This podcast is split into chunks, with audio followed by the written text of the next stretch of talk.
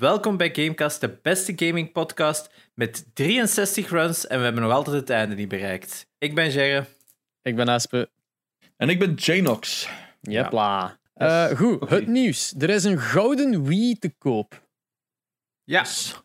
Eh, Leg uit. er is blijkbaar ooit een, een Wii gemaakt in solid gold voor Queen Elizabeth II. Dus eh, de huidige Queen Elizabeth van Engeland. Van Groot-Brittannië, excuseer.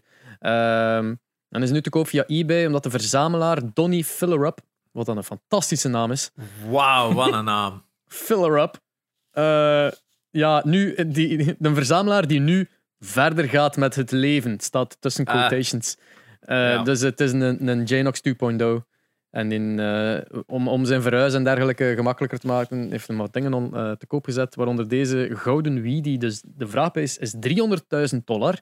Maar, maar, hè, er mag ook gewoon geboden worden op eBay. Dus Allee. moest iemand een gewoon bod willen leggen voor een gouden Wii eh, van 24 karaat. Eh, my Ah, je hebt het over de console. Ik dacht de Golden Wii, dat je het over... eh, ah ja, Donald Trump's in een tower. Donald Trump's in de tower, inderdaad. Inderdaad, het ging over die Wii. Het was op Discord ook geplaatst. Ja. Ja, dat is fucking weird. Ik snap... Allee, zo, het veel rijke mensen, maar één, het is een fucking Wii. Dus... Allee, het, publiek daalt al bijzonder veel. En En ook, twee, ja... Het is, het is why. ja, het was ook een ter viering, promotiestunt, hè. het was ter Dus viering het- inderdaad van de, de, de release van de game Big Family Games. Een Ah, echte ja. hit van de Wii, hè. Ja, dan Oh, kon ja. dan de Queen Elizabeth met, eh, met, wat, met Meghan Markle spelen, of wat? Was dat dan het geheel of zo? I have no idea. Ja, ik vraag me echt af wat, wat- of er iemand effectief denkt, goh, zou ik er 300k verleggen? Of hoeveel was het? 200 of 300k? 300k, ja. Ah ja, zou ik er 300 verleggen of zou ik een huis kopen? Goh, goh, goh. zou ik een gouden Wii kopen? Het Hij snapte, ik snap, ik naar de snap de... Ah, wel, nee, want ik- die, die zegt ook altijd van, kijk, ik wil wel... Ik wil het fair price vinden. Hè? Zo, zo hebben we ook altijd gediscussieerd van... ja, het moet, ook, moet het ook waard zijn. Ja. En is dat het waard? Nee. Als je hem smelt, misschien. Ja, misschien wel. Eh, ja, dat is, en wat, het is gemaakt in opdracht van THQ. Is dat dan niet van, u, van uw maat? ja, dat is van hem, inderdaad. dus misschien kan hij het terugkopen. Zo. ah ja, maar dat is nog van voordat hij het heeft. Want ze hebben- 2009. dat is Toen zo lang geleden gekocht. Toen het nog zijn eigen bedrijf was, Hmm. THQ. Leak claims? Ah nee, oké. Nou, wacht. Ik ging het random shouten omdat ik dacht dat we nog in ons gesprek zaten. Maar het- dat is voor. Oké. Oké. Eh, Ja, nee, ja. Wack. eh, absoluut belachelijk mhm. dat dat bestaat. En het is funny, want er zal waarschijnlijk veel over gepraat geweest zijn. Dus op zich is het een goede reclamestunt. Maar Ja. no thanks. Eh, volgend nieuwsje. Sony investeert in Discord. Finally. Ehm, er zou in 2022 een integratie van Discord en PlayStation Network eh, zijn. Wat dat eh, ja, eh, fancy is. Ik weet niet tot hoever dat de integratie gaat gaan, want Xbox heeft zogezegd ook integratie met Discord al, al super lang. Maar dat is Ja. basically gewoon dat je je account linkt met, met Discord en dat hem dan toont met welk spel dat je aan het spelen bent. En dat is het. Je, Ah. kunt, je kunt niet in voice, je kunt niet chatten. Dat is basically gewoon. Het toont naast uw nickname, onder uw nickname, als je op je Xbox aan het spelen zijn. Handig voor als je dan maat hebt die zeggen van, ah, ik wil, ik wil komen meedoen of zo. Maar als je maat hebt, dan Ah. zeg je dat er gewoon tegen. Huh? Maar hoe stom is dat? Waarom is dat dan zo'n heel gedoe? Het, dat is niet, hè. we weten nog niet wat het exact inhoudt. Hè. Voor hetzelfde geld is het inderdaad wel meer gelijk Discord dat wij kennen, dat er ook video sharing en chats kunnen gedaan worden, maar ook misschien zelfs inderdaad, gelijk dat wij nu hebben, eh, ja, echt het- een heel forum, om het zo te zeggen. Hè. Een heel server. Hè. ja. ja, het zou logisch zijn. dat tof die zijn moest je vanuit je... o- Sorry, eh, Ja. eh, zeg maar.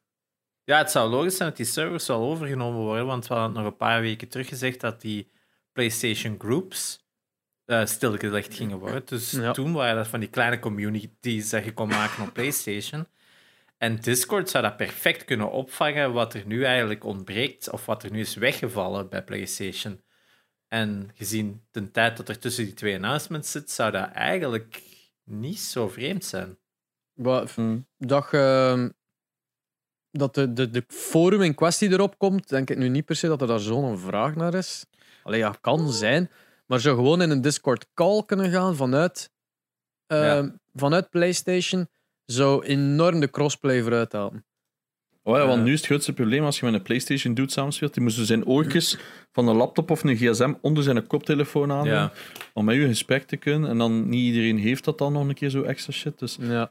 dus dan is dat zo die in-game crappy mics altijd. Want ja, we kunnen wel eerlijk zijn, Discord is wel echt goede shit. Af en toe ligt het er een keer uit, maar voor free te zijn, Dus dan vind moet ik ik dat we wel niet zeggen echt kunnen klagen.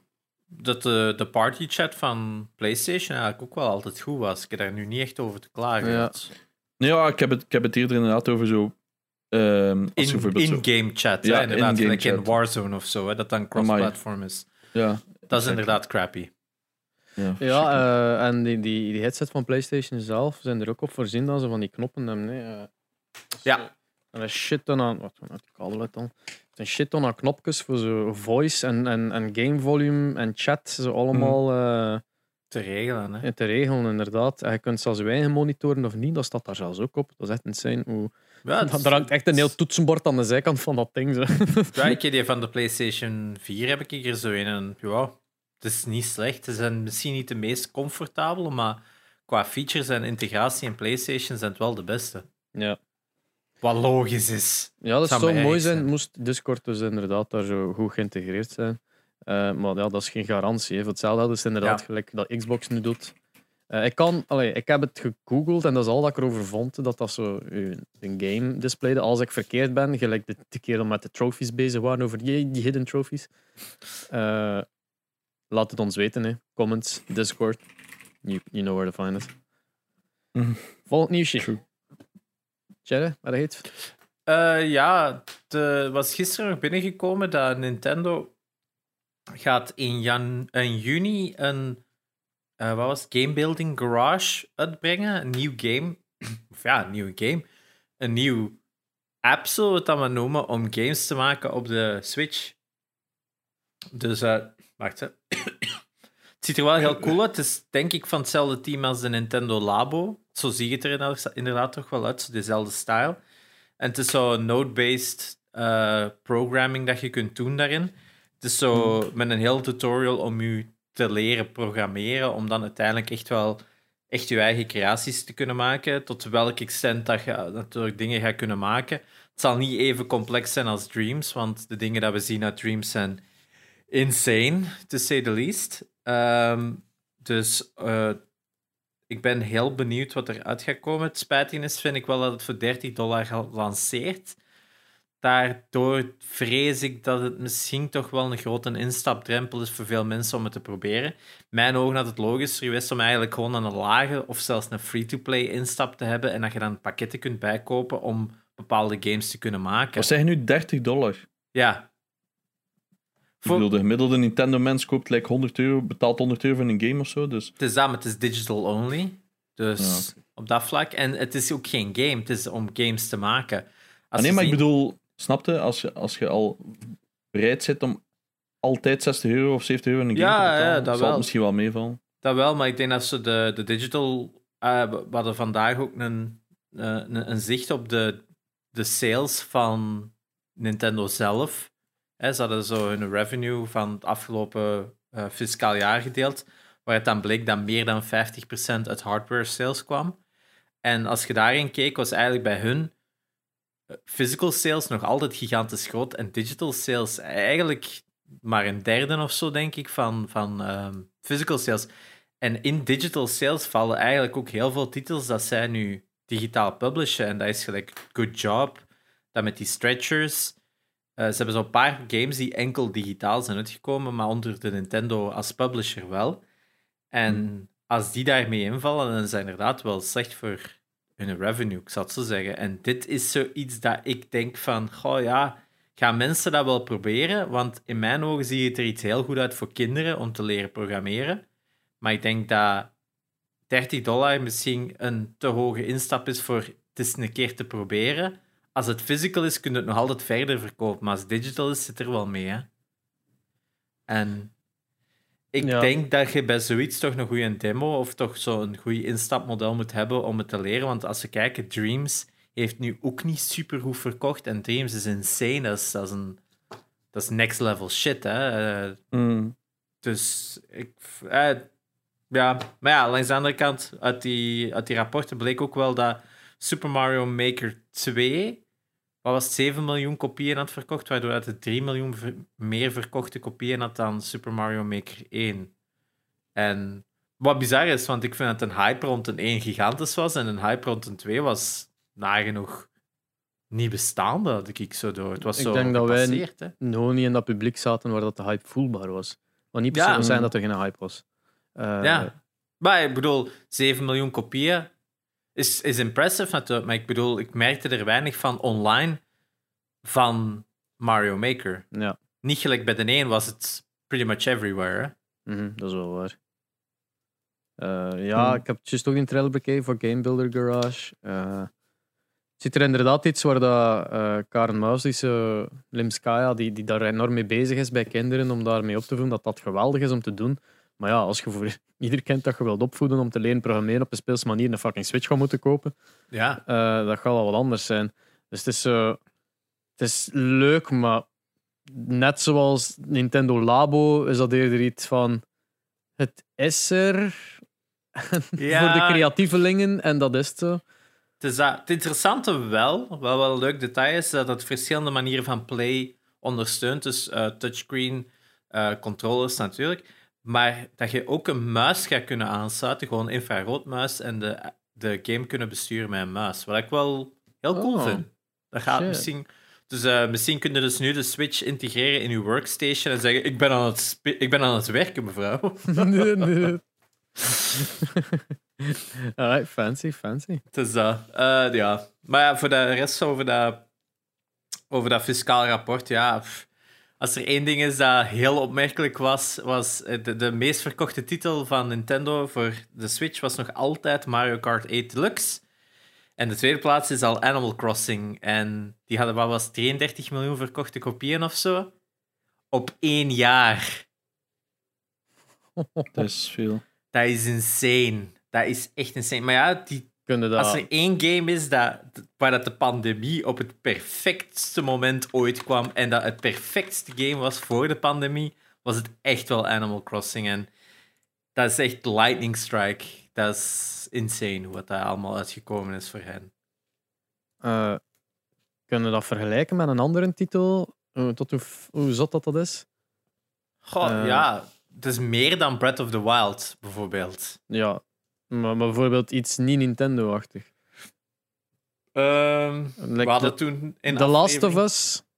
Ja, dat is op 20 miljoen of zo. 20 Nee, miljoen? nog niet zelfs.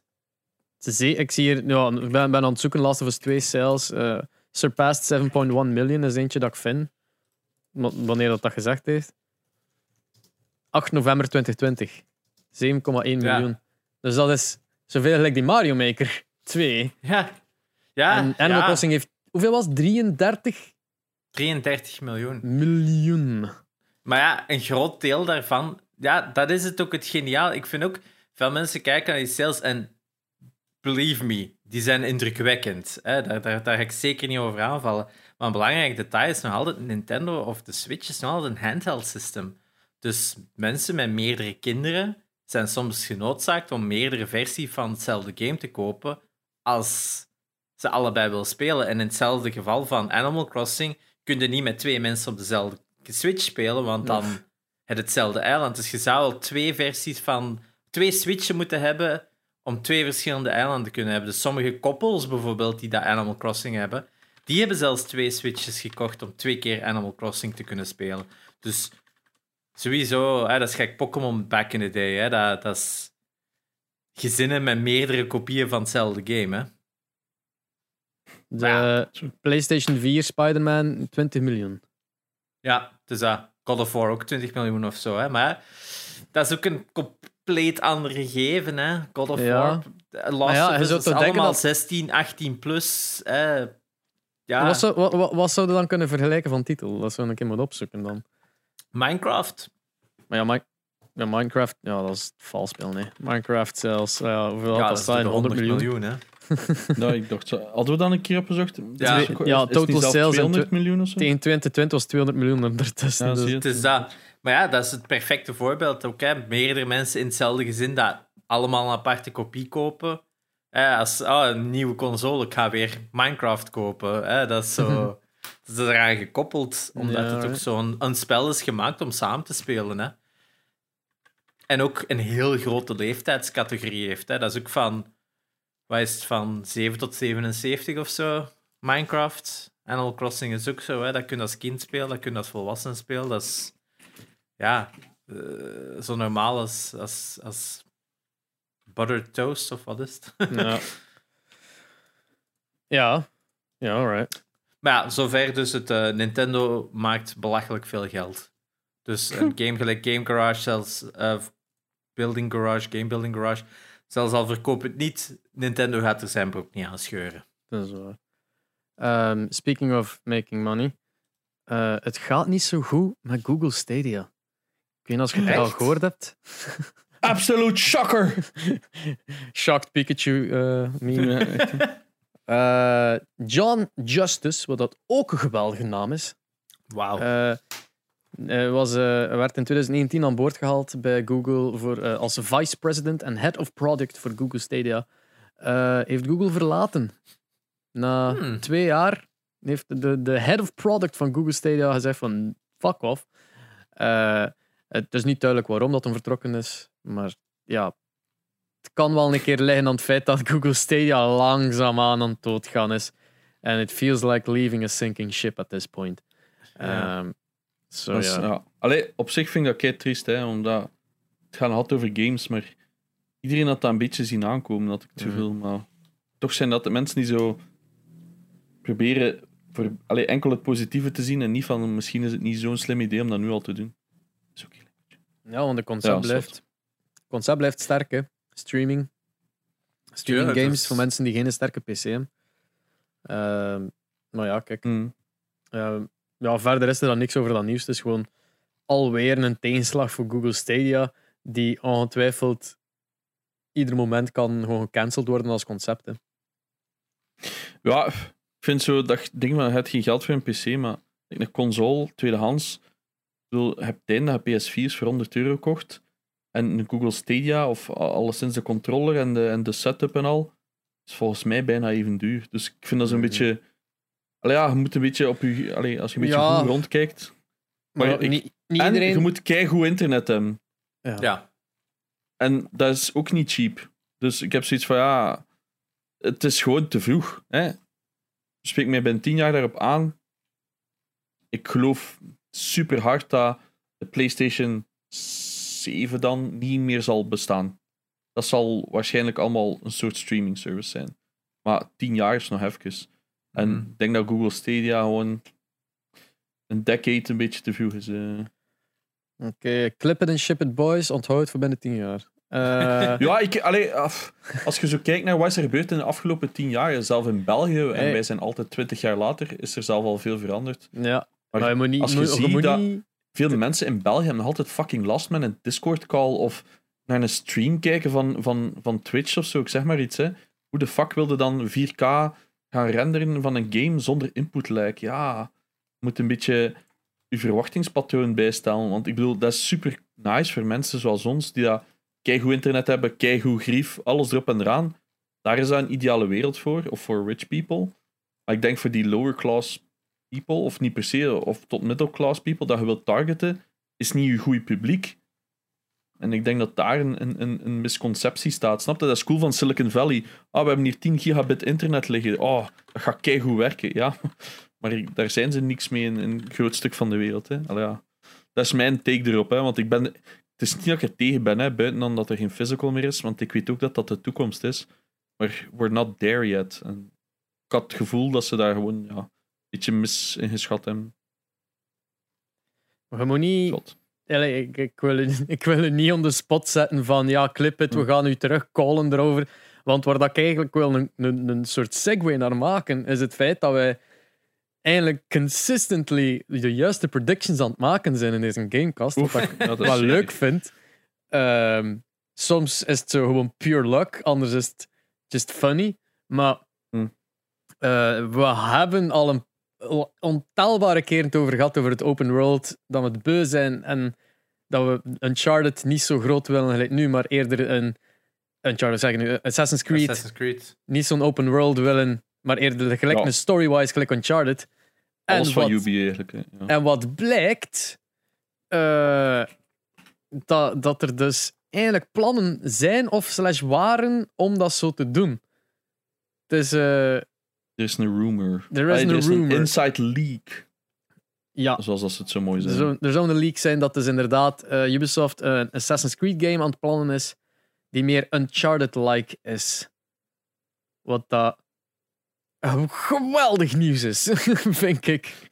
Ze, willen, ze willen inderdaad focussen op, op story-based games. En er staat expliciet Uncharted, hè, want we hebben het daar gepost, ik weet het niet meer. Er stond expliciet Ja. Uncharted en Last of Us style. Ik denk bovenop die leak van dat we hebben gezien van eh, Microsoft daar, dat dat op zich niet zo. Ja. Dat dat niet onhaalbaar is. Dat dat blijkbaar wel bij veel mensen waarschijnlijk zo zal zijn. Van, Ja. ah ja, mensen zoeken dat echt. Want je ziet dat bij Microsoft. Hè, Eh, dus om dat nieuws even te kaderen, er is een interne mail slash review geleakt van Microsoft Company over The Last of Us. Eh, en ik denk dat het part 2 was nu. Ja, part 2. En daarin zie je dat zij iets hebben van fuck ja, Naughty Dog is schijte goed in verhalen neertellen. Volgens hun slechte uh, was nu weer? Gunplay. Combat, gunplay. Dat Naughty Dog dat blijkbaar niet kan, vind ik vrij debatable, want ik, ik heb het nu net gedaan en het is Like Uncharted 3 was het inderdaad nog niet goed, maar vanaf de 4 en Last of Us vind ik dat oké. Het is niet de allerbeste, maar het is ook geen FPS. Het is nogal Dus, eh, fun. Het is geen Gears of War, dus dat is al een pluspunt. Mhm. Dus, eh, Ehm, dus ik denk wel dat bedrijven zoiets hebben, want van mij spreekt me niet aan op het jaar. Ik denk het jaar dat Last of Us effectief uitkwam, dan had EA of zo gezegd van fuck, singleplayers zijn blijkbaar toch niet do it. Want dat was het jaar dat ze juist aan het claimen waren van singleplayers, het, is- het is gedaan. Mensen willen dat niet meer. En dat was, dat is Ja. nu al even geleden, 7, 8 jaar geleden. En Sony is een van de weinigen die toen zei: nee, we gaan gewoon blijven gaan. En dat bewijzen ze nu weer, want ze hebben dat zelf expliciet al in interviews gezegd. Nee, wij geloven daar nog altijd in. En nu zijn de meeste bedrijven zo shit, ja, die willen dat blijkbaar wel. Maar dan was het altijd toch weer open world, waar dat we al pak 50% van onze fucking podcast ehm, is dat al een keer gevallen van stop met die open worlds. En nu blijkt dan dat ze misschien toch een keer gaan kijken naar, misschien moeten we dat ook doen. En thanks fucking Ubisoft van naar onze aflevering te kijken, waarin dat we u exact zeggen hoe dat je een goede game moet maken. Maar ja, blijkbaar helpt het dus wel. Allee, ik bedoel, er is blijkbaar wel het besef Genoeg of inkeer naar, van... ja. Ja, inderdaad. Dat is misschien een beter woord. Ah, ja, Ja, dus ja, ik, zal, ik zal wat quoten uit het. eh, er, was, er was een video door iemand, een, een, eh, een rel- reliable French Assassin's Creed leaker, Jonathan. wat dan daar eh, op Reddit is dan Jonathan. natuurlijk gepost geweest. Eh, hij heeft het over eh, ja, Ubisoft die DLC liever maakt op Valhalla omdat ja, Valhalla dat is heel positief ontvangen geweest en het is gezien COVID een beetje gemakkelijker om DLC te maken in plaats van een whole new game. Ehm ja, ja, ja. As, as expected, no new Assassin's Creed game in 2021. The next one could be released at least by the end of 2022, maar zelfs deze datum lijkt onrealistisch. This project would have been very different to Origins, Odyssey en Valhalla. It would have been an Uncharted-like semi-linear game for each game level, a new semi-open world. Dus eigenlijk wat dat... eh God of War. is- ja, ik, ik zei ook, God of War is inderdaad de beste beschrijving waarschijnlijk. Om het te, en ja, dat, ja, dat maakt mij gelukkig. Ja. Dat bedrijven daar terug aan het denken zijn. Stop bij open worlds! Misschien daarom dat ze Far Cry hebben stopgelegd. They're gonna redo it. Amai, stel je voor. Dat zou wel fucking episch zijn, ik ga niet liegen. Far Cry die nog zo'n haul-over doet van zijn eigen... eh, ja, wie, wie weet, wie weet. Ik heb Far Cry Oh ja, want een tijdje geleden opnieuw beginnen spelen. Ik heb het opnieuw gestopt en niet meer opgepakt. Simpelweg niet omdat ik het slecht vind, maar gewoon als ik zo met mijn muis naar dat icoontje ga is dat direct Ja. al in mijn hoofd van oh, this is gonna be a lot of work en geen play. Ja, en het verhaal blijft semi-good en het eindigt zot. En, een- allee, ja, en de DLC is dan wel weer een beetje dan zwart. Dus ik heb iets van, amai, dat zou... Als ze een big ball move doen, Ubisoft, this is it. Mhm. Hè? Want er is ook juist iets van de Division aangekondigd. Dus ik heb zoiets van, oké, zijn ze nu effectief bezig? Want misschien hadden ze het gevoel van, misschien zijn we niet zo goed bezig en hebben ze effectief iets van, oké, nu moeten we anders gaan doen. Of is dat nu van ons te naïef om te hopen dat ze dat gaan doen? Of, hij snapte, ik zit nu nog zo in dat stadium van, are they really? Of, allee, ja, het zou echt episch zijn. Ja, Ja, dat van de Division was de Division Heartland. ja een free-to-play Division game. Ja. Ja, Daar is Dat nog niets meer over bekend daarvan. Hè? Nope. Nee. Dat kan even goed dus een Battle Royale of iets Oh, anders ja. zijn. Hè. maar ik heb zoiets van, they're new, doing new stuff, snap je? Ja, dat is waar. Dus of het nu iets is wat dat wij willen of niet. Ik bedoel, er zijn zoveel games dat wij niet echt interesseren. Ik heb zoiets van, misschien, ze zijn eigenlijk bezig aan iets nieuws. Maar ja, er komt ook een Division Mobile blijkbaar. Dat is wat minder. Dat is iets minder. Maar minder. we hebben al een keer besproken van, kijk, mobile, dat is een markt op zich.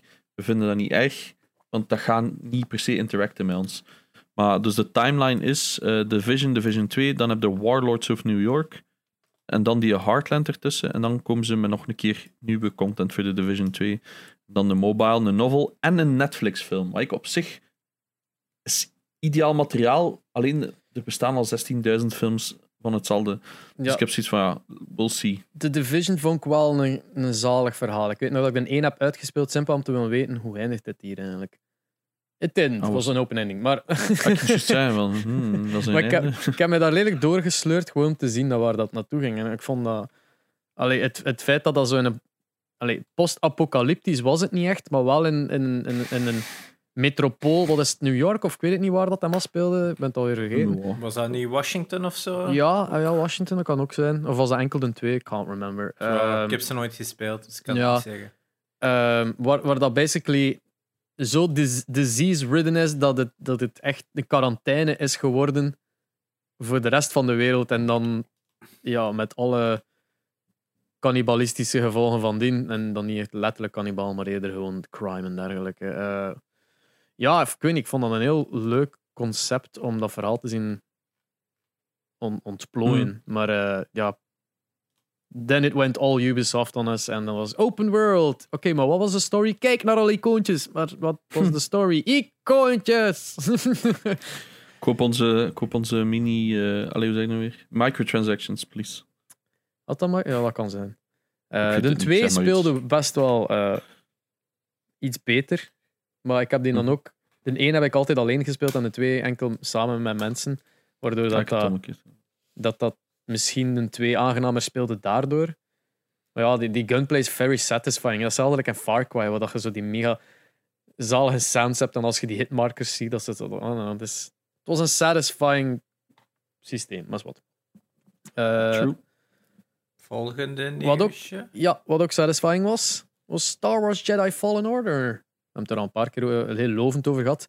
Ik heb zelfs eh, de Fred Kandel eh, is het beginnen streamen, omdat hem dus ons had te horen over praten op de, in de podcast. En hij zei van, ah ja, ik, allee, ik was aan het zien als een stream en hij zei van, ja, ik heb jullie erover horen praten en nu wou ik dat spelen. Wat dat ik leuk vind, want dat bevestigt dat wij influencers zijn. Ja, in, in heel kleine Sponsor mate. ons. Sponsor ons inderdaad. Allee, ja, ik bedoel, stuur ons games op. We zijn poor. We kopen veel te veel shit. Zoals games.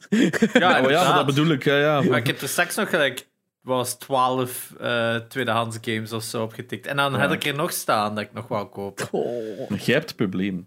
Ja, ik weet het. Echt een mens met een hangaar. Eh, Dat is wel leeg, hè? ja, nu wel, ja. Ah ja, voilà, kijk. Maar dan Je zie je de. PSP-games en dan, hadden, dan, dan wilde er weer zo dat geluid horen van die UMD in dat houderke. Dat je dat zo schudt. Dat, dat is het vooral. Je wil dus van je spel een maracas, maracas maken. Of? Ja. ja. Oké. Eh, Maar maar Star Wars- dat, dat blijft misschien, sorry dat ik onderbreek, zeg maar, maar. dat blijft misschien ergens wel de mooiste gameverpakking dat er bestaat. Dat waren de UMD's van de PSP. Zo die, die, drie, die driehoekachtige met zo'n cd'ken in. Als we vergelijken met gewoon cd's of cartridges of, of like bij de Switch en zo. Zo die schijfjes, die UMD's, ik blijf ze toch wel schoon vinden. Ze. prachtig. En dat rammelt goed. Dat rammelt goed, En hè? dat maakt tering veel lawaai als je dat opstart. Als, als ja, het en allemaal als je dat dan aan het spelen bent en je doet dan per ongeluk je disk drive open, dan katapulteerde dat door de hele living. Dat was ook super cool. Dus ja, Ik heb nooit een PSP gehad, dus ik heb geen idee tijd wat om er ik een te kopen. Oef, dat is echt... Ik herinner me, dat zit zo in mijn hoofd gebrand. Die eerste keer dat ik dat hoorde, zo, als je zo Dexter aan het spelen wordt, dat zo die... Zo, je laat een nieuw level en ik bent dat zo die... zo, ja, ik kan dat geluid niet Die, die disc Dat had een ingebouwde vibration function zonder eigenlijk een vibration function te zijn. Ja, echt, hè. Ah, zo schattig. Ja. Top. En coole doosjes ook gewoon. Jedi Fallen Fallen Order krijgt een next-gen versie. Dus eh, Ja. niet zoveel fancy nieuws. Er zijn heel veel dingen die een next-gen fancy versie krijgen. Maar eh, het leuke hieraan is dat, eh, dat het free is voor alle mensen die hem al hebben. Wat Cool. ik tof vind. Want als ik. eh, het principe wil ook zijn dat alle abonnees van Xbox Game Pass ook die een upgrade krijgen. Dat hem de origineel ook bij een Game Pass zit. Ja, of. EA Play even goed. Hè. Ja, wel. Het is eigenlijk al de tweede keer dat er een update van de game komt, want Fallen Order kreeg al een hogere framerate en enkele andere technische verbeteringen voor PlayStation 5 en Xbox Series XS. Dus het is nu nog een keer Ja. een betere upgrade. Ja, Eh, ik denk dat ik dat vorige week ook wel vermeld had tijdens het respawn nieuws, maar ik ben niet 100% zeker. Ik bedoel, vorige week of wat? Ja, toen we over respawn bezig waren. Maar ik denk dat ik dat toen zo tussen de, tussen de lijntjes had is de soep en de patat en zo. Ja, Amai. Dat. Ik begin al in herhaling te vallen. het is dat. Het is zo weinig nieuws deze week. Ja, wel. Want een groot deel van het nieuws is eigenlijk die lawsuit tussen Apple en Epic. Hè? Dus, eh, Free Fortnite! Oh. Goh, man. Ik heb, daar, ik heb daar denk ik nu een stuk of vier of vijf artikelen over eh, openstaan, want het is eigenlijk echt insane.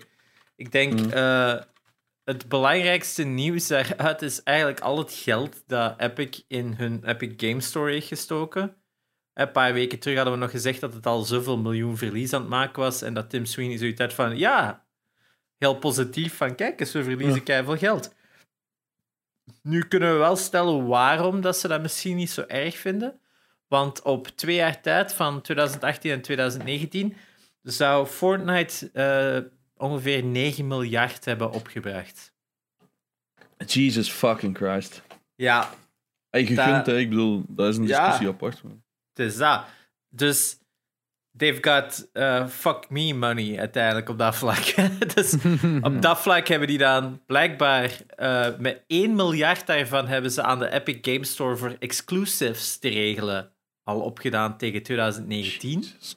Daarvan hadden ze blijkbaar 115 miljoen betaald aan de exclusiviteit van Borderlands 3.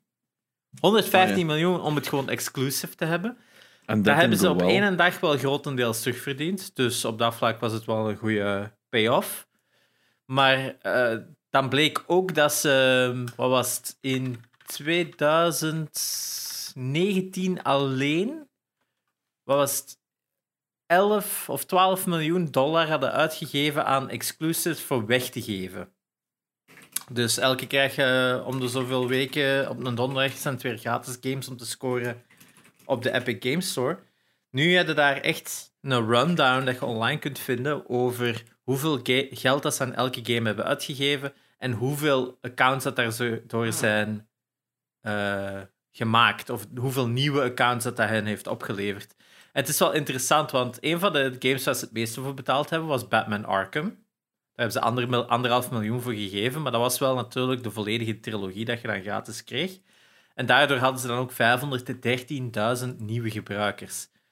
Wat dan uiteindelijk neerkomt op 2,44 dollar dat Epic betaalt voor een nieuwe user. Nu, het interessantste is niet die getallen, vond ik. Het interessantste om te kijken waren de getallen waar het niet zo goed is uitgedraaid. En het zijn eigenlijk drie games dat wel heel cool zijn en drie games dat eigenlijk wel heel close bij ons liggen, vond ik, om over te praten. Dat was onder andere Celeste, hè, want eh, zeker Esper is daar ook wel een grote fan van Celeste.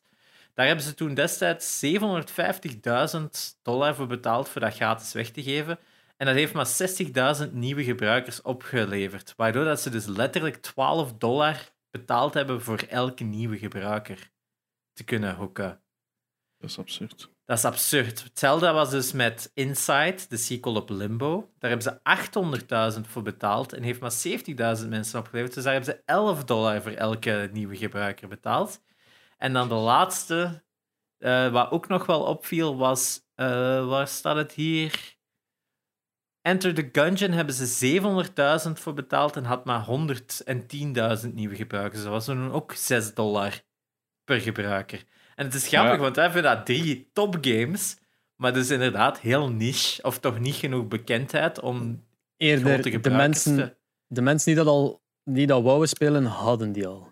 Of hadden die al via Steam of, of op Switch of op Humble Store of zo, ik weet het. Want inderdaad, als je vergelijkt met Subnautica, dat gaven ze als allereerste game gratis weg. En toen was dat nog relatief nieuw, dus dat was nog op de high dat dat toen had van heel veel let's plays en zo. Daar hebben ze anderhalf miljoen voor betaald ongeveer, of 1 miljoen 400. En dat had toen 900.000 nieuwe gebruikers of zo opgeleverd. Dus dan hebben ze maar een dollar 74 betaald voor elke gebruiker. En ik ben daar één van. Voor Subnautica heb ik destijds ook uh, gedaan. Want dat was toen inderdaad echt wel een super uniek spel om te pakken.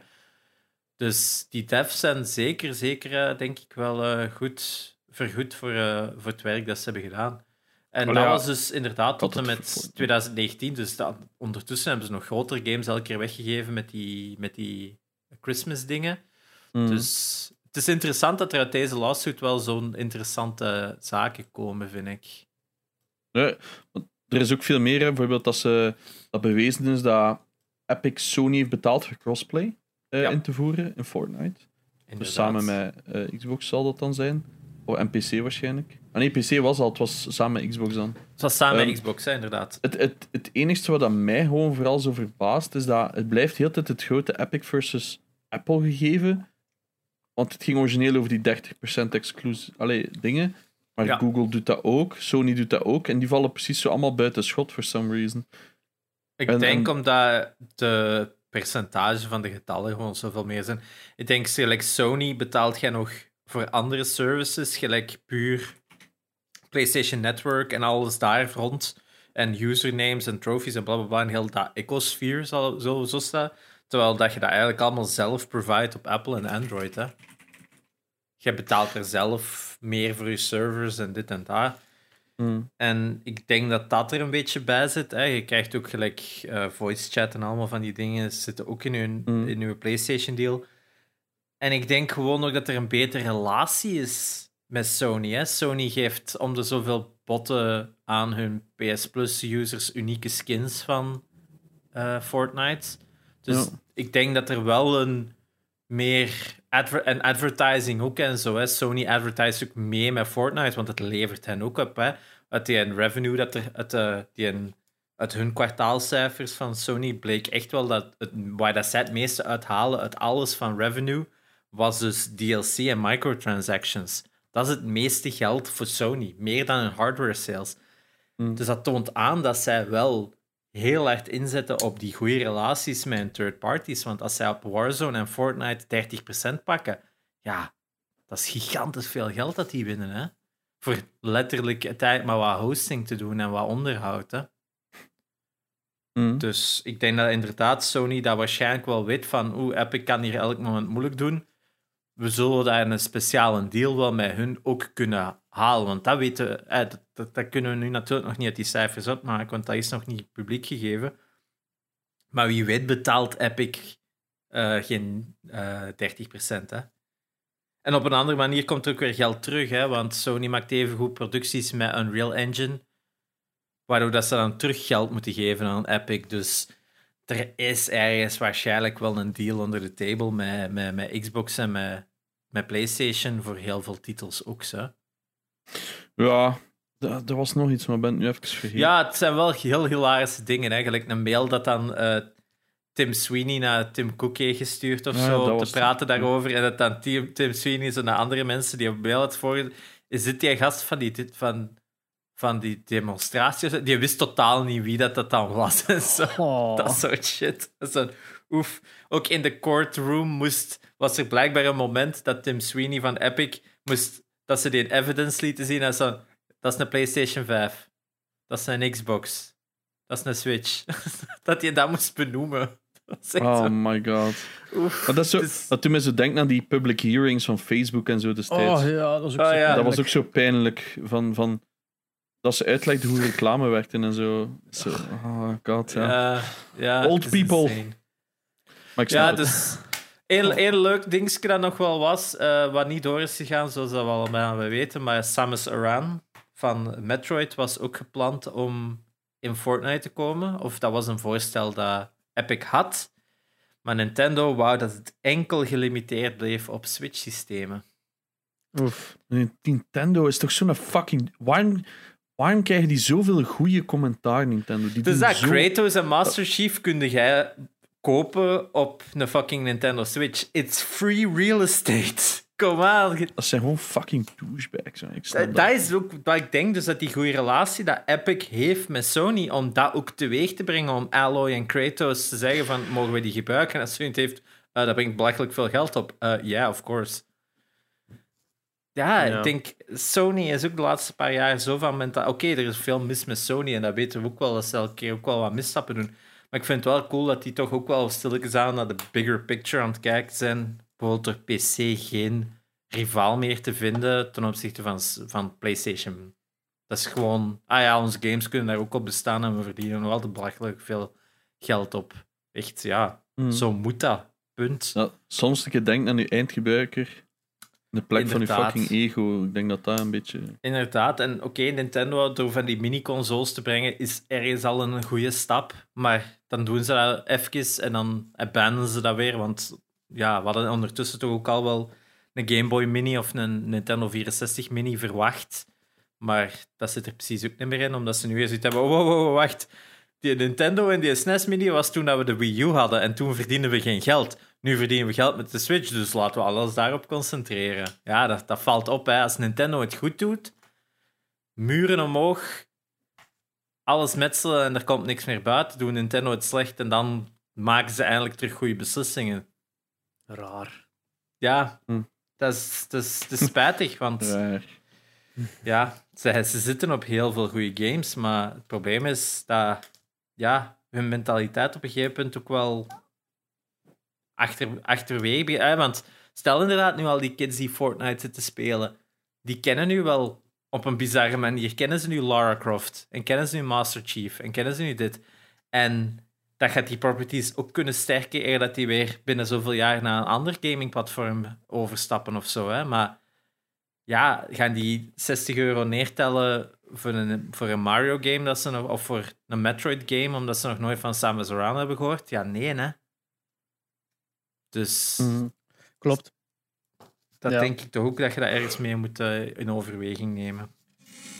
Ehm, True. Ja. Ja, sorry. Epic nieuws gedaan. Wat, ik weet niet. Epic heeft nog iets gedaan, namelijk ArtStation overgenomen.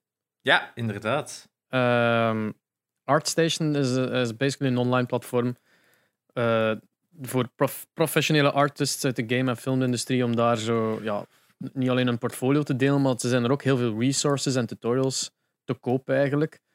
Ehm, dus ja, dat, dat is handige shit soms. Ik, ik heb daar ook heel lang voor gewerkt en, en, en soms ook op zoek geweest, scouring the internet naar free textures dat ik ergens kon gebruiken bij oftewel 3D-objecten of gewoon anything voor het animeren en dergelijke. Eh, ArtStation is daar definitely een, een, platform dat er dat dingen op staan. Epic Games heeft dat nu overgenomen en heeft de fee teruggebracht van 30% naar 12%. Wat dat een vreemd goede move is. Dus, vind Ja. ik dan toch zo van, alright. Hmm. Huh? Corporate not, in, not like, die, die niet voor geld gaan is. Wat gebeurt er Ja. hier? Dus omdat die al dat geld hebben van Fortnite en hebben zoiets van... "Poeh, als we zoveel verdienen, moeten we ook zoveel afgeven. Eh maak maar wat verlies hier. de, de, eh, Belastingen betalen. Ja. America's. ja, alsof die dat, ja. ja. True. Oh, speaking of which, eigenlijk, eh, Tencent, de, de big Asia company die letterlijk alles in handen heeft, overal ter Waarom wereld, inclusief onze overheid. Eh, Zou mij niet eens verbazen. probably. Eh, Centjes. Ja, wel, die, die zijn blijkbaar al sinds Ten eind centjes. vorig jaar in gesprekken met de, de Amerikaanse overheid. Eh, meer bepaald het Committee on Foreign Investment in the United States. Of afgekort CFIUS. De. CFIUS. Vies. CFIUS. Eh, omdat er... Ja, dat is zo'n beetje eh, oneenigheid over het feit dat zij veel te veel aandelen in handen zouden hebben. Van, omdat ze natuurlijk 100% van Riot Games in handen hebben. En nu ook dus 40% van Epic. Eh, wat dat blijkbaar een beetje te veel zou zijn. En eh, de Amerikaanse overheid vertrouwt het niet zozeer omdat ze schrik hebben dat, de, dat de Tencent te veel, you know, als Chinees bedrijf, te veel informatie verzamelt van de Amerikaanse bevolking. Eh, Ja. En tenzij dat ze daar tot een, eh, you know, een eenigheid. Tot, zolang dat ze niet overeenkomen. Consensus. Wat blijft? Een consensus, ja. een consensus komen, zolang dat dat er niet is, kan eigenlijk Amerika Tencent dwingen om dus, eh, zich terug te trekken uit de Riot Games en Epic Games. Wat dat ik insane vind, want Tencent is natuurlijk the big mother company of all companies. En dan ze van, ah, maar hier mocht je niet zijn. Weg. Ja. Zo, What? Dat Ja, dat, is, dat is altijd, hè, als Microsoft zo'n grote, of, of zeg nu iets, Disney. eh, die koopt, ja, die kopen zo'n kei, ah ja, bijvoorbeeld Disney, die hebben dan zo'n Fox gekocht. En dat is, eh, hoe lang is dat? Een jaar geleden of zo? En dat is nu pas goedgekeurd eigenlijk. Ja. Mm. Ook al staat al die data al online, maar dat moet eerst altijd goedgekeurd worden door de overheid. Omdat Ja. dat zodanig grote deals zijn. En dat, Zij- dat dreigt dan een monopolie te Ja. worden. Hè? Ja, dus zij moeten daarop een beslissing maken. Ik vind dat zo fucking weird dat dat nog kan beslist worden. Ja, het, het, het ding is, eh, de kans dat dat effectief gaat gebeuren, dat ze zich moeten terugtrekken, is heel klein, want daar is zoveel geld mee gemoeid dat ongetwijfeld in een committee van foreign investment ook wel iets aan kan verdienen. Lijkt Ah, ja. mij. Eh, Die zijn aan het wachten tot als de bribes hoger worden. Ja. Dat ze ook iets eh, kunnen beslissen. Want Tencent, allee, dat is ook op, allee, op de For Gamers website waar ik hier dan zit aan het zien, je ziet altijd rechts van het artikel ook zo related news. En het is altijd zo hetzelfde fotoke van Tencent, van in een lobby waar dat Tencent staat. Maar wel, iedereen, Tencent koopt dit, Tencent koopt dat, Tencent Mm. koopt dit. Tencent is nu eigenaar van Klei Entertainment. Zo, weet je, dat is echt zo... Ah, Tencent just Klei? buys, buys, buys, alles wat dan ze maar kunnen. En op den duur, ja, wat schiet er nog over, zo, weet je wel? Maar dat is een beetje wat dingen aan het doen is ook. Hè. De Lars Ja. die heeft 240 gaming studios. Hè. Dat is niet, niet niks. Hè. Maar dat is gewoon... Nou, eh, numbers attract numbers, snap je? Dus die hebben zodanig veel. En dus dat genereert zodanig veel geld dat je nog meer kunt... Ay, dat is een beetje like hoe dat Jeff Bezos werkt. Hè. Ik bedoel, anders komt er niet aan zoveel geld. Ja, dat is Ja. gewoon groter worden en groter worden. En dan kun je nog zotte investments doen en zo verder en zo verder. Dat is absurd. Ik bedoel, anders heb je niet zoveel bedrijven. Hè. Ja, dat, dat, dat is een beetje het probleem met onze huidige maatschappij. Maar dat is misschien eh hier gamingmateriaal. eh. We live in a society. Wie dat er ook in de problemen komt, eh, is misschien Sony. Dat Sony eh, aangeklaagd wordt omdat het digital games enkel en alleen via de PlayStation Store verkoopt.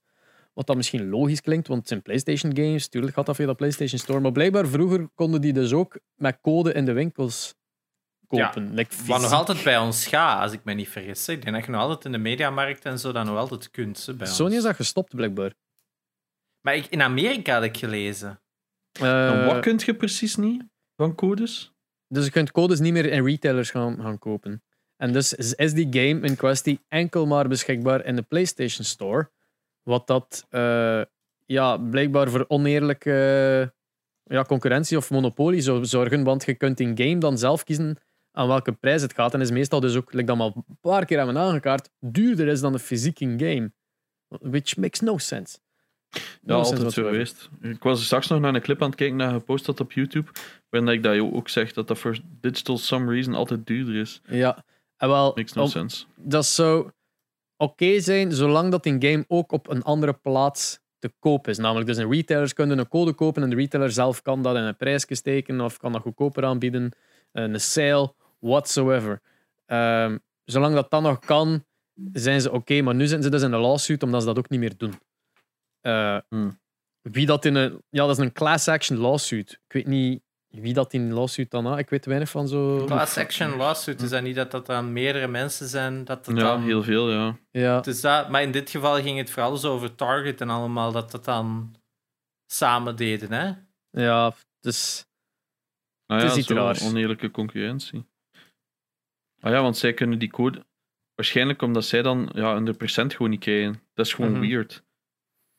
Ja, sorry, maar ik vind dat raar. Ik vind dat raar dat ze... ai, die een lawsuit... Ja, Ja. is dat dan ook bij Steam en zo? Want je kunt toch ook niet bij Steam eh, digitaal een game kopen in de rekken? Je kunt toch gewoon enkel credit kopen? Ja, en dat kunnen bij Sony ook. Dus. Bij Sony kun je ook even goed credit in de winkel kopen. Dus op dat vlak verandert er niks. Dus ik snap het niet waarom dat Sony in dit geval gewoon wordt uitgekozen. Want bij Xbox en bij. Ja, Xbox kunnen nog wel digital games kopies. Ja, Nintendo kunnen dat ook nog wel, denk ik. Ja, je kunt zelf codes in een box kopen. Dat is nog erger. Ja, ik, Dus, eh, ja, ik, ik vraag me gewoon, af wat het gevolg hiervan gaat zijn. Voor hetzelfde geld is dat dan. Al, allee, als er hier dus niks van uitkomt, kan dat ook wel aan de andere kant een groen licht geven naar eh, heel wat monopoliepraktijken natuurlijk. Dat is zo'n beetje het nadeel met, met Maar- dat, laws, dat lawsuit systeem in Amerika. Vanaf dat je een precedent opzet, gaat dat altijd als voorbeeld gebruikt worden in komende lawsuits. Dus vanaf dat er dan weer iets aan te pas komt van ja, maar je biedt iets enkel aan waar dat jij juist alleen de prijs kan, whatever, of hoe, het ook hier in elkaar zit, dan gaan ze altijd teruggrijpen naar de uitspraak van deze lawsuit. Wat ik Ja. vooral niet snap, is... Het feit is dat het niet in de winkels beschikbaar is, right? Mhm. Maar dan heb je toch gewoon, zijn er gewoon physical games toch opnieuw aan het bouwen? Mhm. In de plek dat je dan een doosje op- koopt of een fucking dingetje waar met een code op, dan is het toch gewoon identiek hetzelfde. Alleen zijn Maar gewoon zo- dom als je die code koopt en niet de Ja, game. maar doordat ze inderdaad waarschijnlijk. Ja, ik denk dat ik het door heb. Het is omdat ze een digital-only PlayStation verkopen. Ja. Het is omdat ze nu een digital-only doen en niet de optie meer aanbieden van digital versies te kunnen verkopen, wat dat Xbox nog altijd wel aanbiedt. Laten we het zo even stellen. Dat je een digital-only console kunt kopen, maar ook codes in de winkel. Dat die winkels waarschijnlijk nu zoiets hebben van, maar wij verdienen niks aan games. Mhm. Ik gok dat dat het is. En waarschijnlijk gezien het succes van Sony, dat ze schrik hebben dat het dan. eh, ja. maar enkel meer en meer richting dat digitale gaat gaan. ja. Ja. We zullen het zien als we het zien. Ja. Maar op zich is dat toch volledig Sony hun beslissing. Tuurlijk. Zo, Ja, Dus ik vind... Steam. Vroeger verkochten ook PC-games in de winkel. Hè. Wat is de laatste keer dat je nog eens een PC-game in de winkel hebt zien staan? Ja, als collectors was dat ook altijd zo... Oeh, PC-versie. Nee, Gucci man, dat is toch niks waard. Het is toch Dat niks waard. Dus, hè. Ja. En op... Ja, ja. Al heel physical games, maar wat. Ja, ik snap het. Eh, heb jij nog nieuws, eh Jerry? Nope. Ik denk dat het. eh, Ik denk dat we enkel nog eh, misschien de reactie van Twitch op de hot tub streams, maar het is niet echt een reactie geweest. Hè. ja. Het is gewoon, laat ons rust. Ja, we hebben, we hebben het er al over gehad, hè? over de hot tub streams en... Eh, geen idee eigenlijk. Nee, ik denk dat we in het verleden al enkel hebben gepraat over het gegeven van naakt op Twitch. Ja, een naakt op Twitch is, is natuurlijk altijd standaard verboden naakt naakt. Maar eh, de, de, hoe naakt, allee, hoe naakt dat bent, dan namelijk eh, zitten in een zwembroekje, bikini of zo, eh, mag enkel in de context waar dat, dat gepast is. Namelijk, eh, als je aan het strand bent aan het streamen, zo'n IRL-stream, ja, dat is normaal dat je daar geen lange broek aan doet, natuurlijk. Maar on, allee, onlangs heeft iemand daar een beetje een loophole in gevonden. Namelijk, als je gewoon streamt vanuit je hot tub, dan is dat toegelaten, want in context gaat in je hot tub en je bikini zitten. Of ja, naakt waarschijnlijk, maar ja, voor Twitch in een bikini. Eh, Hm. Waardoor dat heel wat eh, eh, vrouwen die zich richten naar dat soort content aan het publiek vanuit hot tubs zijn beginnen streamen. En dat is zo razend populair gegaan. We hebben geworden omdat dat de eerste keer is dat je echt, allee, toch sinds lange tijd, zo, allee, gewoon zo streams met zo'n naakte vrouwen constant hebt op Twitch. Eh, dat, dat, dat is zo razend populair dat, dat dat ook constant in iedereen's recommended komt staan. Ik heb eindelijk iemand die me vertelde op mijn stream dat zo, je kun- je hebt daar drie puntjes naast dat je kunt opklikken en dan staat erbij not for me, zodat je dat nooit meer ziet. Which is awesome, maar dat blijkbaar je dat enkel op de homepage en niet op je following page, waar dan er ook recommended staan en shit. Al ja. Ehm, in ieder geval, er kwamen nogal heel veel klachten uit vanuit ja, Twitch-streamers vooral van maar dit kan toch niet dat dat zo misbruikt wordt en, en Het dat dat... probleem is eerder van de onfairheid van dat wordt niet geband en mensen worden soms geband voor de meest debiele shit. Dat is, Ja, Ik denk dat dat het grootste probleem is. Daarnaast hebben natuurlijk de mensen die klagen over van, what the fuck is dit? Want als je kijkt op Wikipedia, is het een platform dat zich specialiseert in gaming ja, livestreams. Ja, dat, Dat is zo nou, die gaming is al lang weg. Hè. Je hebt al zoveel. Nee, je hebt- als je het nu music, opgoogelt, maar ja, googelt, dat staat er nog altijd. maar Wikipedia. zeggen zelf... Nee, nee, eh, of een, nee, op hun eigen pagina staat dat, dat ze een live platform zijn dat gespecialiseerd is in gaming. Ja, maar gespecialiseerd is niet. Allee, dan mag ik daar ook al zo gezet mijn, niet- mijn, mijn Just Chatting niet meer op doen. Hè. Plus, Ah, nee, de music streams, maar de er art is veel streams. en commentaar geweest destijds op Just Chatting. Ja, Zoiets tuurlijk, van, ja, waarom doet dit op een gaming platform? En dan hebben ze zoiets van, oké, dan, dat mag dan. Hè? Dus dat gaan we dan bijpakken. Maar het probleem is dat het altijd verder gepusht wordt. Ja. Want, Het, het, want Amarant doet het wel, hè. zij gamet vanuit haar hot tub. Maar ja. ze zet niet de game, want dat is slim, ze zet niet de game, maar ze doet just chatting en ze gamet gewoon toevallig. Ja. De- ja, Ja. Dat, dat kan. Het ding is niet zozeer het feit dat, dat ze dat doen, want ja, power to them als ze dat willen doen, maar het geeft gewoon voor heel veel streamers geen goede indruk van, van, van Twitch uit gewoon. Als, als je mensen naar Twitch wil lokken en, ze, en, en men, eh, allee, je moet uitleggen aan iemand wat doe dat ik stream live op Twitch, ah, ik ga een keer gaan zien. En de eerste dat je ziet zijn een pagina met de helft recommended zijn halfnaakte vrouwen, dan, dan gaat ook al beginnen... Allee, dan gaan die mensen in kwestie vragen stellen. Dat is al verschrikkelijk ongemakkelijk. Ehm, dat en het feit dat hoe langer hoe meer je die, eh, de, de, de kijkers van Twitch like, conditioneert naar een bepaald gedrag tegenover vrouwen. En ik denk dat ik dat al vertellen, ik weet dat nu niet zozeer, maar dat is zo de 15-jarige meisje in mijn community ook eens beginnen stream, die letterlijk dus van die creeps in haar chat krijgt, die, die zich heel ongepast gaan, gaan gedragen. En zeker dat je dan moet erbij vermelden van hey dude, ze is hier 15, fuck off. Allee, van, het is zo van show me feet, jump is, eh, allee, schoon topje, spring een keer op en neer een bekken. Wat- allee, what the fuck? Het is very, very disgusting gewoon. En ja, die gaan er altijd zijn, Ja. creeps. Maar gaan, gaat dat niet een klein beetje geminderd zijn als ze niet standaard op dat platform vrouwen vinden die dat wel gaan doen voor het geld? Ja, Wat ik je juist zei, want- Ja, zeg maar. Je moet maar eens een, keer in zo'n zo'n hot tub stream zien wat voor soort comments dat daar allemaal gepost worden. Dat is disgusting. Het Hè? gaat er niet om over van, wauw, wat ga, ben jij goed in dat game? Ehm, het is eh, vrij, vrij gra- grafisch, ik zal het zo zeggen. Ja. Maar een groot deel komt daar ook van, omdat Twitch in veel landen niet geblokt is en andere bepaalde content wel geblokkeerd is. En dan moeten de twee dingen aan elkaar koppelen en dan is dat het beste wat dat ze kunnen krijgen qua vrouwelijk naakt. Laat het zo Maar het ding is ook, bijvoorbeeld, ik zeg maar iets bij Amarant is zo. Ik weet niet of het precies bij haar is zo. Allee, 10 dollar en ik doe jumping jacks. Die tieten flappen van hier tot in fucking Tokio. Ja, die fucking 16 jaar en dat 10 dollar hebben gekregen voor een verjaardag, die, die donaten dat en die hebben zoiets, oh shit, dit is de beste dag van mijn leven. Allee, ja, snap je? Het is zo een beetje uitlokking noem ik dat niet, maar ik wil het wel zo benoemen. Want Amarant had zelf nog in een interview vorige week gezegd dat ze vond dat vrouwen nogal denigrerend behandeld werden op Twitch. Ja, no van- fucking shit. Ik had zoiets van, je bent misschien niet het beste voorbeeld om dat te durven zeggen. Waar dat ik daarnaast ook wil zeggen, ik ben volledig akkoord met dat je dat wilt doen, maar zoek het op het juiste platform. Ja, het is... Het is geen excuus dat ze er zo zit dat, we ons zo, allee, dat de, de mannen zich zo moeten gedragen. Want dat Dat zou straight up victim shaming zijn natuurlijk. Maar inderdaad, één, juiste platform. En twee... Als, als je het letterlijk in je fucking stream zet met tekst van ik doe jumping jacks voor 10 dollar. Ja, maar hoe denkt het dan... Like, Je hebt er ook die zo planken, maar dan zetten ze hun camera beneden. En dan ziet je zo enkel, zo die, die frontboobs. Hè? En dan zo dat heel de tijd gewoon in beeld. En dat dan zo voor, zeg maar iets, 5 dollar of zo. Dan denk ik van, oké, dit is toch gewoon eigenlijk chatterbait geworden, maar dan met iets meer kleding. Soms zelf niet eens.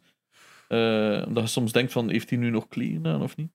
Ja, de, de, de, de, de, de fijnheid van de slipjes worden altijd maar kleiner en kleiner. Zo. Als ik, want ik zie, allee, dat wordt soms gepost op Discord van oh my god, check deze. En dan, dan ja, ik, ik krijg altijd het ja, morbid curiosity. hè. En dan zie je dat is echt...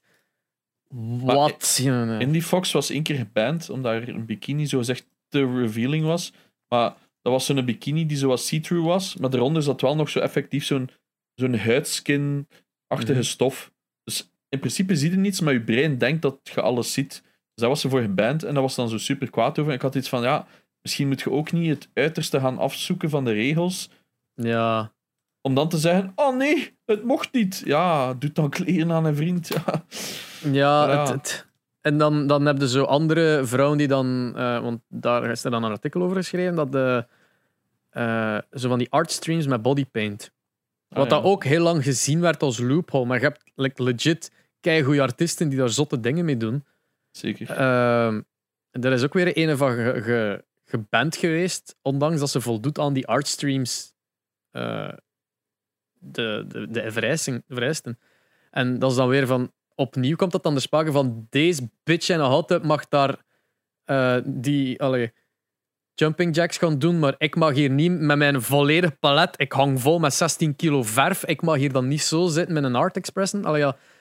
Ik Dus- heb vorige week wel een, een oh, ik wil er even op ingaan. Er was ook iemand die zo bodypaint doet. Er Oh zat my gewoon haar nippels zo gekleurd in het wit. En dan gewoon twee uur just chatting gedaan. Maar omdat het is dus een loophole. Dus, Ja, hè. dus haar gewoon volledig bloot, maar juist een beetje wit erop. Dat is hetzelfde like die naakte yoga shit nu op YouTube. Ik weet niet van waar dat plotseling komt. Maar als jij fucking naked yoga intikt op YouTube, heb je gewoon full frontal nudity yoga. Maar echt full, hè? Flamouche in beeld, alles erop en eraan. Flamouche. Maar het mag, want het is educational. Ja. Dat is de uitleg van fucking Google. Dit mag, want het is educational. Als jij nog maar durft een fucking onderbroek van een vent te zien, is BAM! En dan heb ik zoiets van, hè? Want het probleem is, ik denk ook een, een, een stuk een probleem, en het kan zijn dat ik er allee, slack voor ga krijgen, maar dus, het probleem is, ze durven geen vrouwen bijna niet meer bannen. Uit het schrik van, momenteel, hè, wat dat keigoed is, is het is zo constant female empowerment. Ze durven bijna niet meer negatief iets zeggen, in schrik van dat dat meer negatieve press gaat opleveren. Ja. Heb ik het Mhm. gevoel, hè? Want ja, Iedereen weet dat het fout is. Allee, dat het niet eh, goed is. Maar hoe komt dan dat een dude van Twitch zelf op een eigen livestream zegt: Ja, ze doen eigenlijk niks mis. Allee, volgende vraag. Dat, dat was het eigenlijk. Ja, ze volgen de regels. En dan zegt hij van: Ja, report de regels als het niet goed is. Als het te seksueel is. Ja, het is te seksueel, hè, vriend. Ja, lees die comments. De mensen zien het toch alleszins als he- very sexual. Ik zal het zo zeggen. Nou maar ja, maar ik heb zoiets van: Oké, ik snap. Aan, hè, aan het strand, een just chatting stream. Geen probleem. Oké, Tuurlijk. je hebt geen kleren aan. Oké, ja, be it. So be it. En- Eh, dat is dan zo. Mensen kijken daarnaar. Maar dit is expliciet gaan uitlokken. Om dan te zeggen: ja, maar ja, in de regel staat dat je eh, je badkleding Het moet dat, en het is nu ook niet dat wij zo preuts zijn dat we zeggen van... Oh, de, Wanneer het. won't anybody think of the children? Nee, het gaat er eerder om van het gedrag dat, het, dat er mee meekomt, dat op Twitch komt, en de hypocrisie van Twitch naar andere gebruikers van... Ja, nee, het levert gewoon geld op en daarom dat we dit blijven doen. Dat is eigenlijk de meest grootste frustratie die hieruit voortkomt. Hè? Ja, Ja, want ik heb ook niets van: oh nee, dan heb ik minder kijkers. Ja, nee, fuck Dat is off. niet dat- publiek dat wij willen, wanken, Die komen niet naar mijn gameplay kijken. Ze. Daar ben ik ook wel vrij zeker van. Misschien als Oh, jij ja. een, als jij een sick headshot toe. Oh ja. Wordt ook misschien mijn overboord in een game, maar. eh ja, ik, bedoel, ik ben er ook wel realistisch in. Hè, van, ik ben, ik, het is niet dat die plotseling naar mijn stream gaan kijken. Dus dat is allemaal het probleem niet. Mij gaat er gewoon over van. Ja, waar liggen alle grenzen nog? Dat is wat. Dat is ja het is, het, ik krijg zo vaak die, die vraag wel, als, als we daarover bezig zijn, daarover kwaad aan het doen zijn. Van ja, wat heeft dat impact op u? Zo, ja, maar kei veel. dat is echt een platform waarop Ja. we ons besloten hebben, vooral nu ik ben partner, terwijl als dat. Dus ik, ik ben, ik- dat is het platform waarmee dat ik mij wil representeren. En als je daar dan op komt en dat is alles dat je ziet. Ja. Dat is het vooral. Als ik, ik, ik typ ook zo op Twitter, hè, ik ga live op Twitch. En dan heb je massa's volk dat mij volgt dat niks van Twitch kent, want die kennen mij allemaal van mijn coding of zo. Alleen van mijn echte werk. En dan hebben die iets van: de fuck zijn al die tieten hier? Doe jij dat ook? Ah, je krijgt sowieso vaak de vraag: hè, wanneer gaat doe jij de hot tub stream? Snap je? Dat is, zo een beetje, dat is eerder een meme geworden dan. Dan weet al van er klopt iets niet als het een meme. Vroeger was het al wanneer het just chatting doen?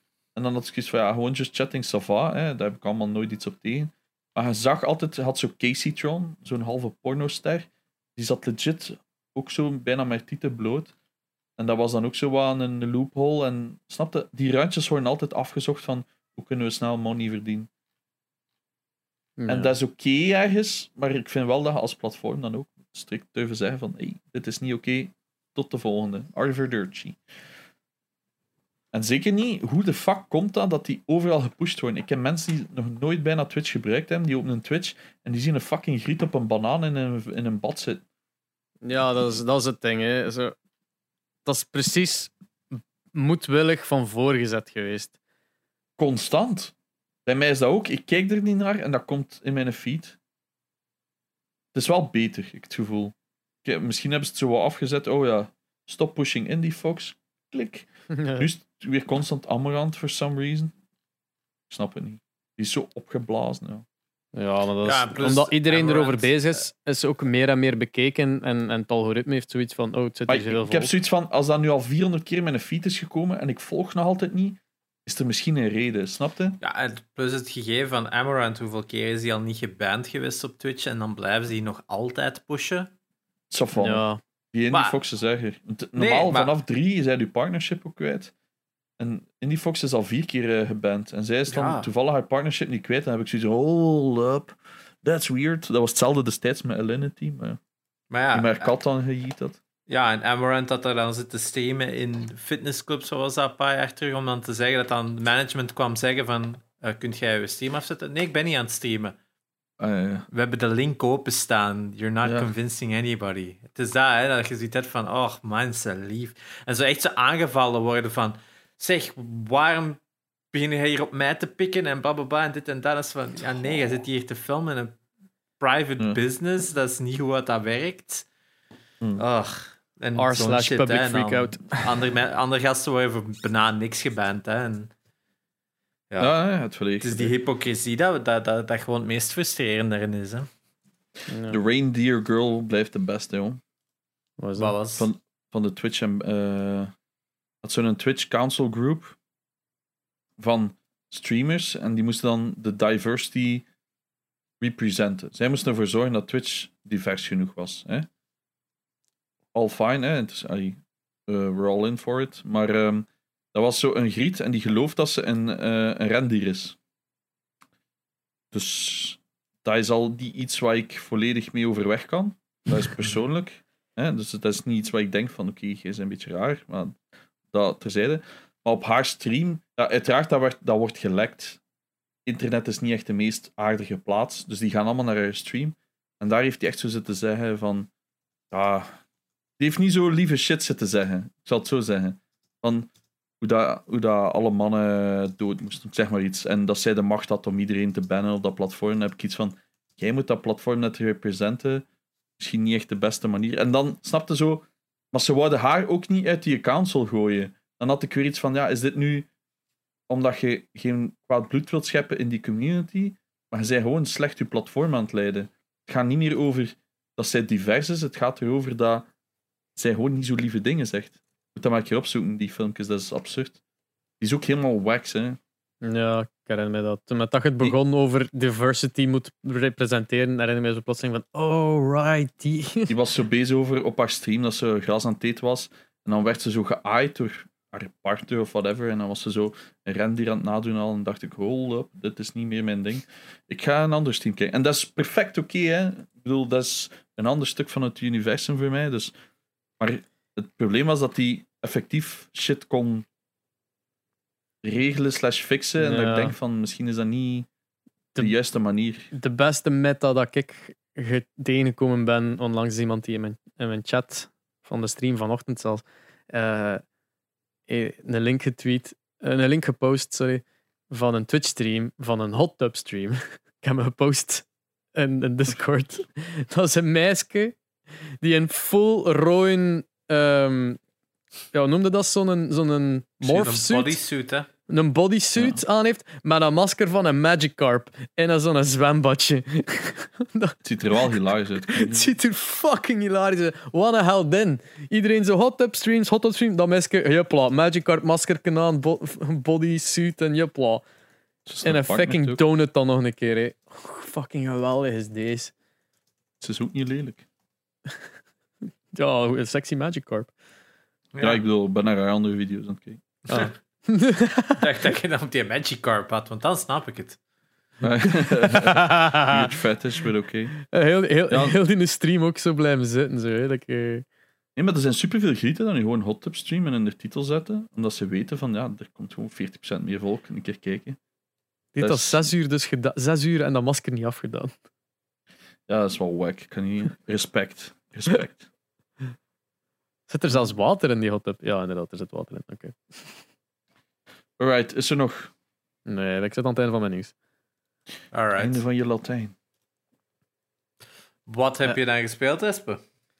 Eh, veel Returnal. Dat eh, was geen verrassing.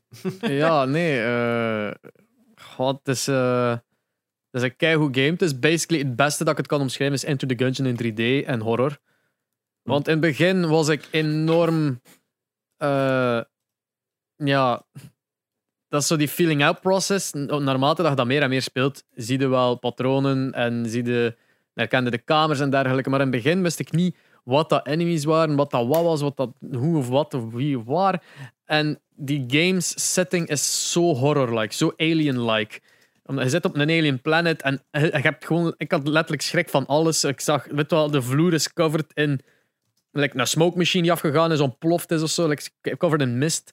Eh, dus ik weet ook niet van, zijn er hier traps? Zitten er hier, gaan er hier zo jumpscares komen? En, en er, er zitten zoveel horror-elementen tussen, dat, dat dat echt creepy was. En hoe langer hoe meer dat ik speelde, zo, da, da, da, da, daardoor, ah, ik herken deze camera. En nu is dat echt zo, daardoor chasen eigenlijk.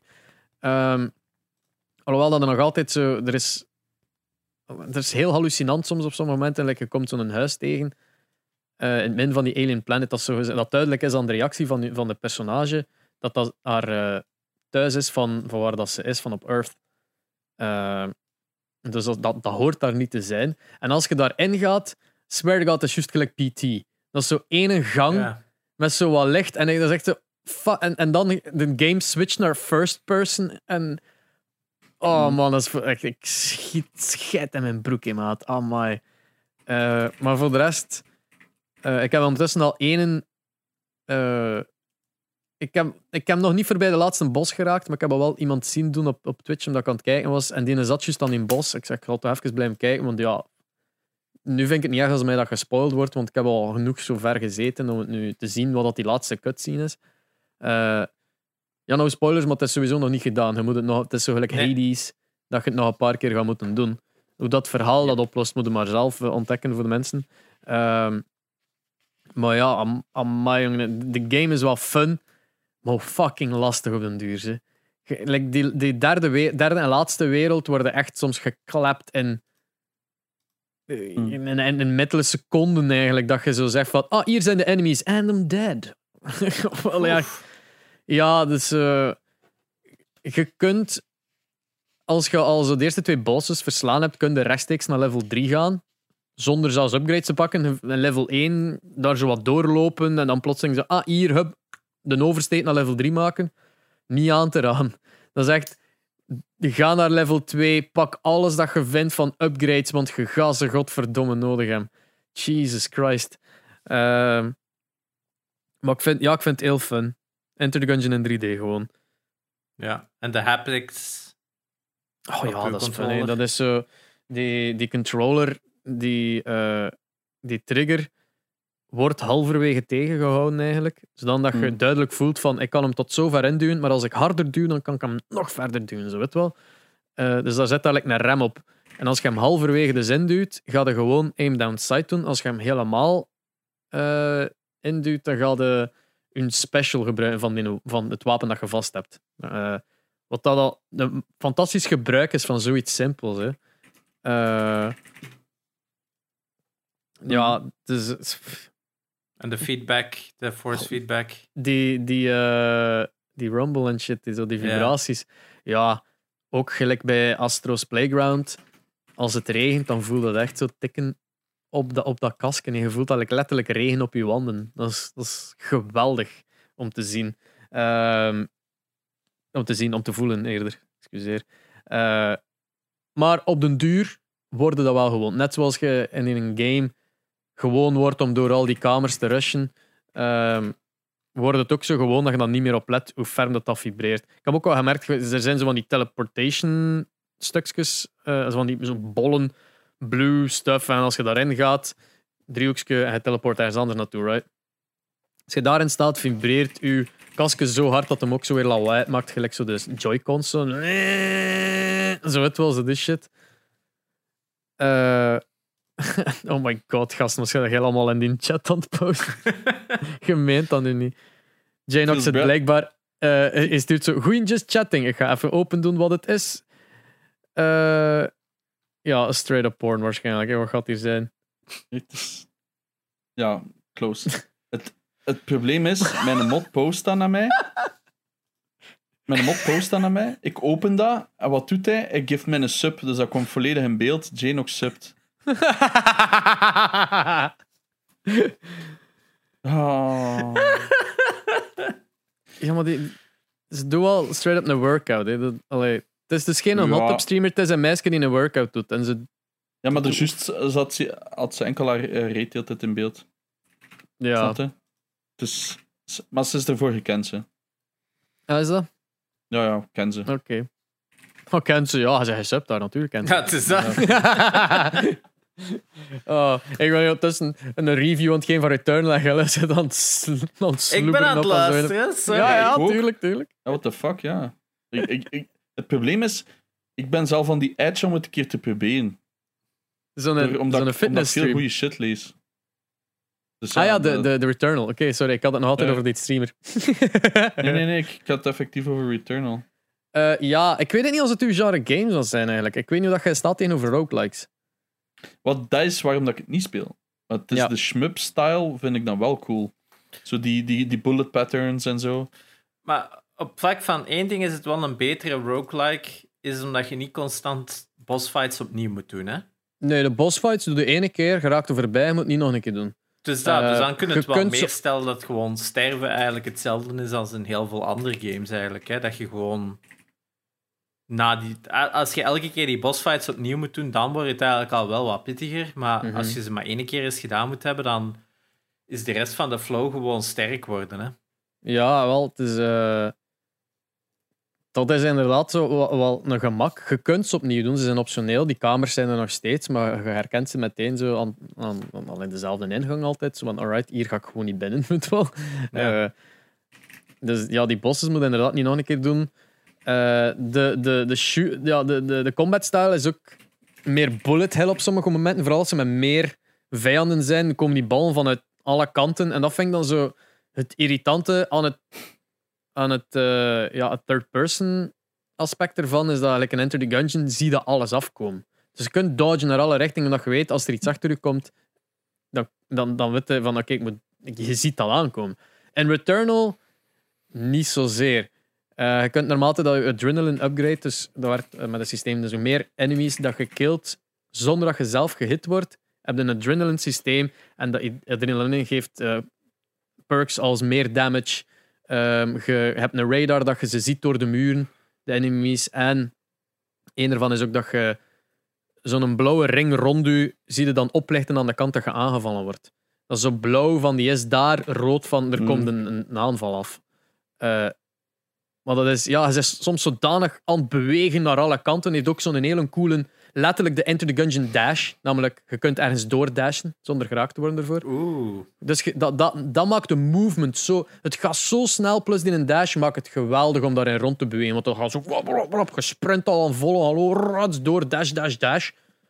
Uh, maar in fights zijn dan ook zodanig naar alle kanten aan het gaan dat je niet echt tijd hebt om te registreren van waar, waar is dat cirkeltje hier aan het gaan. Of, kan ik nog... Je wilt dan eerder draaien met je camera. Tegen dat je daar zit, staat er zo plotseling zo'n tentakelbeest op je. Zo, fuck. Um, ja, maar alles is zo'n beetje gewoonte. Ik weet het niet, ik wil het u wel een keer uh, zien spelen om te weten wat je ervan vindt eigenlijk.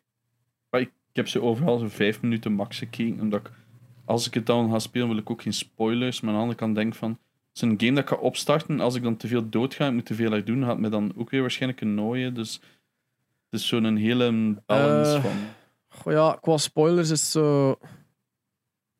als je nu een streamer bekijkt die al een eind heeft zitten spelen, dan ga je geen story spoilers krijgen.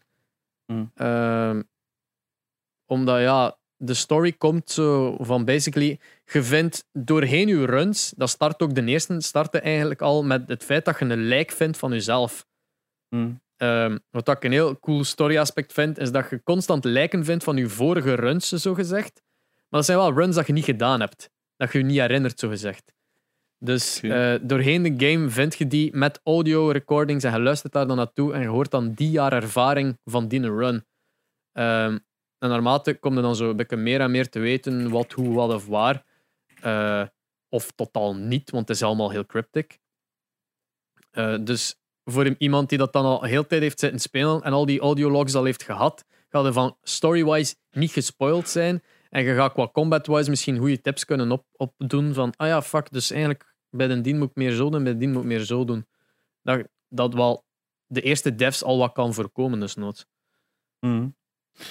Ja, misschien. Ik vind het nu nog te duur. Misschien heb ik een tweedehands keer op. Ik. Eh, Ja, en, ja, dat snap ik. en de Eh, 3D-audio? Eh, ja, dus ik heb even zitten spelen met zo die PlayStation headset. Ik moet zeggen, beter geluid dan die dat ik eh, standaard gebruik. Maar ik kan hem niet zo gebruiken voor te streamen, omdat ja, dat is aansluiten op mijn PlayStation. Ik werk met een mixer die de stream PC en PlayStation tegelijkertijd moet mixen. Hè. Ehm, Hetzelfde issue. maar ja, die audio, ja, je hoort van, hoort van alles en nog wat. hè. Het is hele horror-like audio, zo slithering bugs en shit. Het is echt zo, zo disgusting, maar ab- absolutely disgusting. Disgusting! Ja, dat hè. Ehm, en je hoort dat ook zo van een kant komen en, en dat glibberen, dat is constant in je oor. Eh, dus ik ben blij dat ik misschien niet zo'n goed geluid heb. Eh, ja, het is, eh, het is impressive wel allemaal. Ze. Maar dat is zo die horror aspect dat ik zoiets had van, dat moest er van mij niet in zitten. Iets verder. anders gespeeld? Sackboy nog wat verder. Eh, ik, heb, ik heb het in een stream gespeeld en gewoon misschien twee uur en een half volgehouden voordat het echt weer saai begon te worden. Dat ik zoiets had van, oh, ik heb het weer al gehad. En daarnet had ik zo weer op een PlayStation opgestart.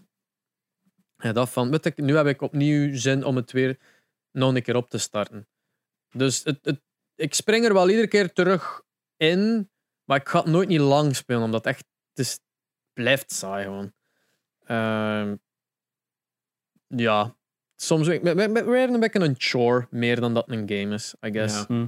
Omdat het, je weet dat het gemakkelijk is, je weet dat je erdoor gaat geraken. Het is gewoon een kwestie van, ja, maar ik wil één het uitgespeeld hebben en het zo gemakkelijk is, misschien platinum en dat zo weer al dat ding dat zo zit te knagen in mijn nek van fucking get all of the things.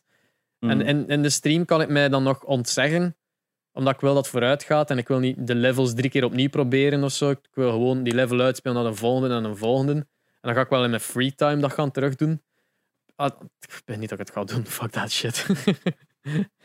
Eh, Ja. Dus ja, Sackboy, hoe langer hoe minder is een geld waard, vind ik eigenlijk. Goh. Ja, ik vond het leuk om wel een keer uit te spelen. Zeker die muzieklevels en leuk. En op de duur had ik ook wel iets van: oké, ik heb het gezien. En nogthans, probeert wel zichzelf een beetje te vernieuwen, maar. Not there yet. Ja, het is op en ik denk wel dat je- wat de laatste gaat zijn, zeg maar. Ja. Ik, ik kreeg ook zo op een bepaald moment een, een, een soort hookshot dat je kon swingen en dergelijke van, van stuff en dingen grabben en dan naar je toe trekken en dergelijke. Ik vond dat zo cool. En dat was één level. En dan gaat ongetwijfeld hier en daar nog een ander level een keer terugkomen. Dus van, nee, let me keep that upgrade. Like, En wat vinden van die dingen? eh, zo van die speed levels, dat je zo. heel de tijd Oh, hetzelfde krijgt. Hoe noemt dat? Zo die challenges, ninja challenges. ja, ja, ja die, dat, dat zo'n Rubik's Cube precies is dat je moet ingaan. ja. ja geweldig. Hè. Dat vind ik leuk. Dat is de mensen met snelheid zalig. dat je zo ja, eraan door kunt doen. Het enige probleem is dus op het einde, als je ze allemaal uit, dat is niet echt een spoiler, dan moeten ze allemaal achtereen doen zonder te sterven. Eén keer doodgaan is helemaal opnieuw beginnen. Wow. En het duurt ongeveer 40 minuten normaal of zo om ze allemaal te completen naar elkaar. Maar je kunt dus niet sterven. Oh. En dat, het, het ding is, er is dus een trophy van, dus de kans dat je dat platinum gaat halen. Oké, fuck dus- that noise. Maar ja, exact. Ik ben eraan begonnen. Nee, het is geen 40 minuten. Sorry, dat ik denk 20 minuten of zo. Dat had er belachelijk veel. Dat is 20 minuten, want je weet hoe high-paced dat gaat. En hoe snel dat al. Allee, hoe snel dat je kunt doodgaan. Dus, dus je moet 1 milliseconde verkeerd. En ik vind dat vaak bij zo die 3D-platforming, dat, zo, dat like een Sackboy zit, is zo, je, je springt schuin en je denkt dat je het easy gaat halen. Maar Shadows, je ziet het zo precies wat verkeerd. En dan Ja. springt het er zo juist naast. En imagine dat dat de laatste minuut is of zo. Ja. Ik heb het bij 20 of zo een keer gedaan. En dan had ik iets van, nou, maat. Ja, en wel, dat heb ik ook gemerkt eh terwijl ik aan het streamen was. Ik heb hem zo honderd keer zo gesprongen. En er zo los naast gewoon. Zo echt zo, alright, en nu gewoon naar hier en woemp. En je, je duikt in een dieperik. En ik zoiets maar allee. Like zo de 3D-positioning Hmm. is, is, is zo off met wat dat je denkt dat je zit, dat echt irritant is. Meestal geven ze inderdaad dat schaduw en zo. Maar ja, als je boven een bottomless pit hangt, dan heb je dat niet meer. Hè. Maar ja, voilà, het was zo'n beetje dat. Eh, en soms heb je ook niks om vanuit te gaan. Je ziet zo een platform en een, een, een, mondje dat ze je opvangt en uitspuwt om het bovenste platform te gaan. En Mhm. ik spring daar naartoe en die spuugt mij uit en ik vlieg erover. Zo. Of, of oké, opnieuw. En ik doe exact dezelfde jump, maar ik stond iets te veel naar links en ik spring er dan eigenlijk zo gewoon heel naast. Ja, het is soms unforgiving. Ja, het is, ja.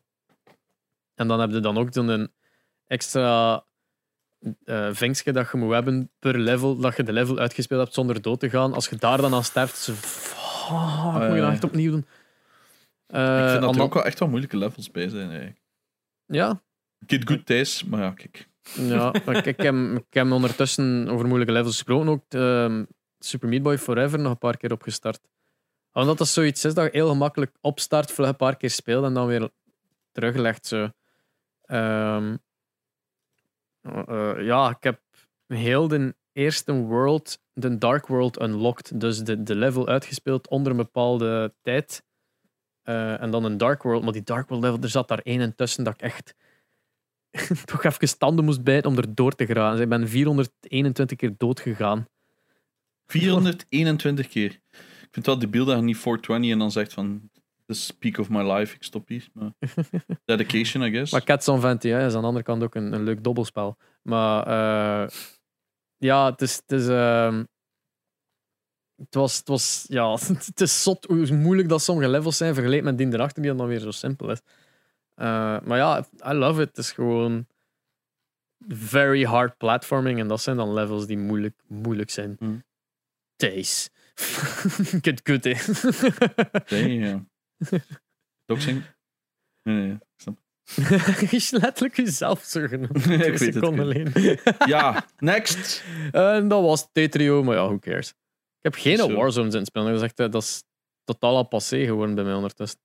Maar de fuck zou dat wil spelen? Het ziet er echt luid uit als een PS2-game. Maar dat stoort me. Dat- Die intro ziet er als PlayStation 2 game. Al de rest is dat. Wow, ik heb er juist weer bij streams zitten kijken. Ik vind het er echt slecht uit. Ja, maar dat is, ik, heb, ik heb mijn TikTok zien passeren van. eh, het was Dr. Disrespect. Zo. Die, zei, die zo gewoon nek in een gulag stond te wachten. Hm. En naar een kant keek en hem zo: Zie je de rooskin? Zie je de rooskin? Spot de rooskin. Hij ziet zo echt niks.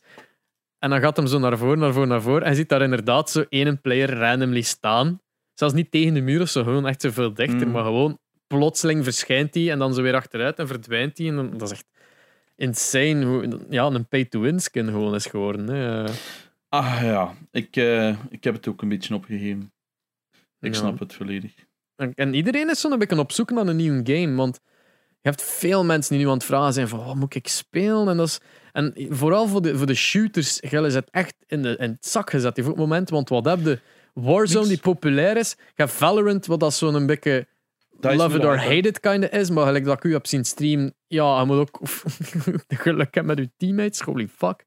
Mm. Ehm, het is wel de hype momenteel. Hè. De meeste mensen zijn aan het overschakelen op Valorant. Omdat Ja. heb ik ook gemerkt. dit.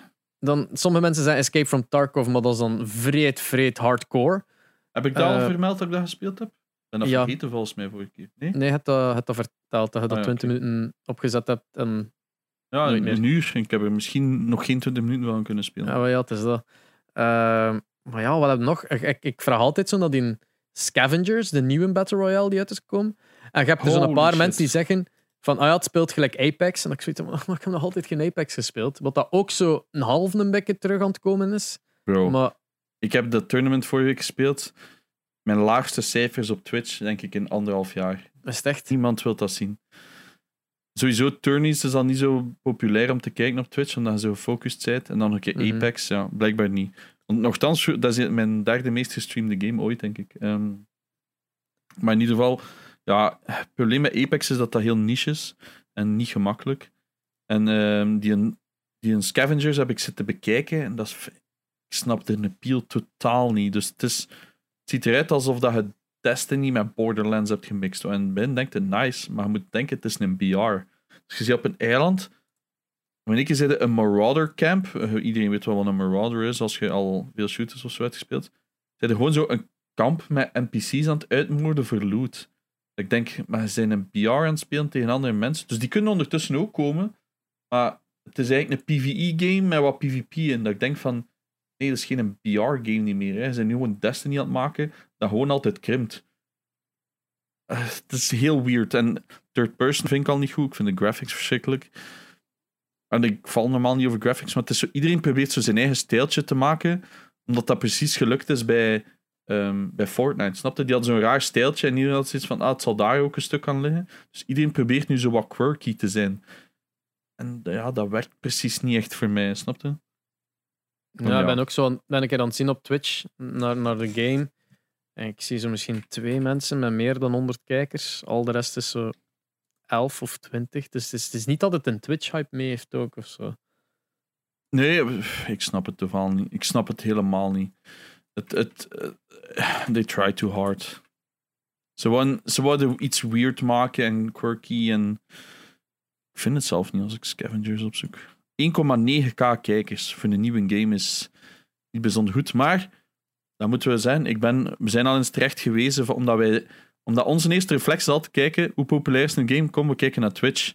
Ja, Die zei, ja, maar dat, dat klopt niet. Maar ik vind, ah, ik vind persoonlijk zelf dat dat wel klopt, want dat toont toch aan of het een beetje leeft in de grotere wereld of niet. Maar ja, 1.9k voor een nieuwe game is niet bijzonder veel. In totaal, hè. Maar het is ook een Battle Royale is vaak heel afhankelijk van het succes op Twitch. Ja. Een ander spel singleplayer kunnen, ja, kunnen daar echt debaten van. Ja, oké, als dat niet gespeeld wordt op Twitch, dan dat, dat kan nog altijd miljoenen gamers hebben. Maar een Battle Royale valt of staat met zijn Twitch-presence. Check Ja. Hyperscape. Hmm. Ja, ook zo'n enorm stellen dood gestorven. En... Ja, Ja. Dat, was nogthans, dat was nogthans fun. zeg. Ik vond het echt leuk om te spelen. Maar ja, kijk. Ja, inderdaad, ik snap je wel. Ik ben ben aan het zien naar de stream en het ziet er extreem bagger uit in de scavengers. Dus, eh, Water was niet aan het inladen, maar ze liep er zo wel over. Ik vond, huh? Ja, het is goed geprobeerd, maar het is, het is, dat niet. Janox, wat heb jij gespeeld? Ja, ehm Uncharted 3. Which is Nice. nice. Ehm, ja, gewoon leuke singleplayer. Maar wederom bewijst dat voor mij dat dat eigenlijk niet de beste Uncharted is. Ver van zelf. Ik heb mij meer gestoord eigenlijk aan bepaalde dingen terug dan dat ik mij geamuseerd heb. Ze vergeten lijkt dat de game rond puzzels draait eigenlijk, action. Allee, dat een platform, eh platformer puzzle game is, puzzle adventure. En ze hebben er zo'n halve shooter van gemaakt. De shootouts zijn niet goed gedaan. AI is slecht. Unfair. Unbalanced. Vaak dat ik iets af van, maar hè? Hoe kun je dit zelf programmeren? Hoe kan dit door testing gaan? Of bijvoorbeeld, je hebt zo die halve zombies, die dan zo random gewoon naast je teleporteren. Brrr, dood. Dus als hij zo begint te hallucineren, dan heb je zo die enemies en die lijken zo op zombies. Mhm. En die teleporteren zo gewoon naast u en die schieten nu instant dood, want je bent nog aan het reloaden of zo. Zo heel weirde, unbalanced fights. En dat gebeurt kei vaak. Ehm, ja, het had zo nog zo'n zo wat een half een buff guy die dan zo gezegd, eh, ja, dus een soort tank zeg maar. Die had dan een, een, een, eh, een, eh, machine gun. En die loopt gewoon langzaam op je af. Je kunt er fucking drie laders in pompen. En dan doet hij brrr, en hij zit dood. En ik denk van, maar hoe slecht is dit gemaakt? En dan, zeker als je dat dan vergelijkt, als je juist van een 2 komt, heb ik, vind ik dat wel zonde. Ehm, maar overal blijft het altijd een goede game. Hè. Ehm, Dus ik kijk nu wel uit om naar de 4 terug te beginnen. Ik weet alleen niet of ik dat nu nog ga doen of niet. Ehm, wat heb ik nog gespeeld? Ja, heel veel Valorant, hè. Dat is het eigenlijk vooral. Ehm, bijna elke avond Valorant competitive zit te queuen. Ehm, wat dat bijzonder frustrerend is. Omdat ik solo queue altijd. wat betekent dat? Ik, ga alleen in de queue en je moet minstens met vijf zijn in je team. En ik heb jammer genoeg het probleem dat ik niet altijd met de vier snuggerste personen in een, in een team word gestopt. En dat is voor iemand zo competitief als mij heel frustrerend. En wat ik nog erger vind, for some reason, en ik weet dat ik je ook slecht werk in, is dat vaak zeggen ze dan, waarom zij zo aan het zagen, het is maar een spel. Maar dat vind ik dus ja, heel frustrerend als iemand dat zegt, want ik zeg, waarom queued jij dan competitive en niet gewoon unranked? Dus for some reason keert je wel, maar blijkbaar niet genoeg om het serieus te nemen. Als mensen hun microfoon niet gebruiken, dan word ik dus al tilt. Hè, want dat zijn games wat dat super belangrijk is. Is niet like een Warzone. Hè. Warzone tagt iemand en volgt die wel.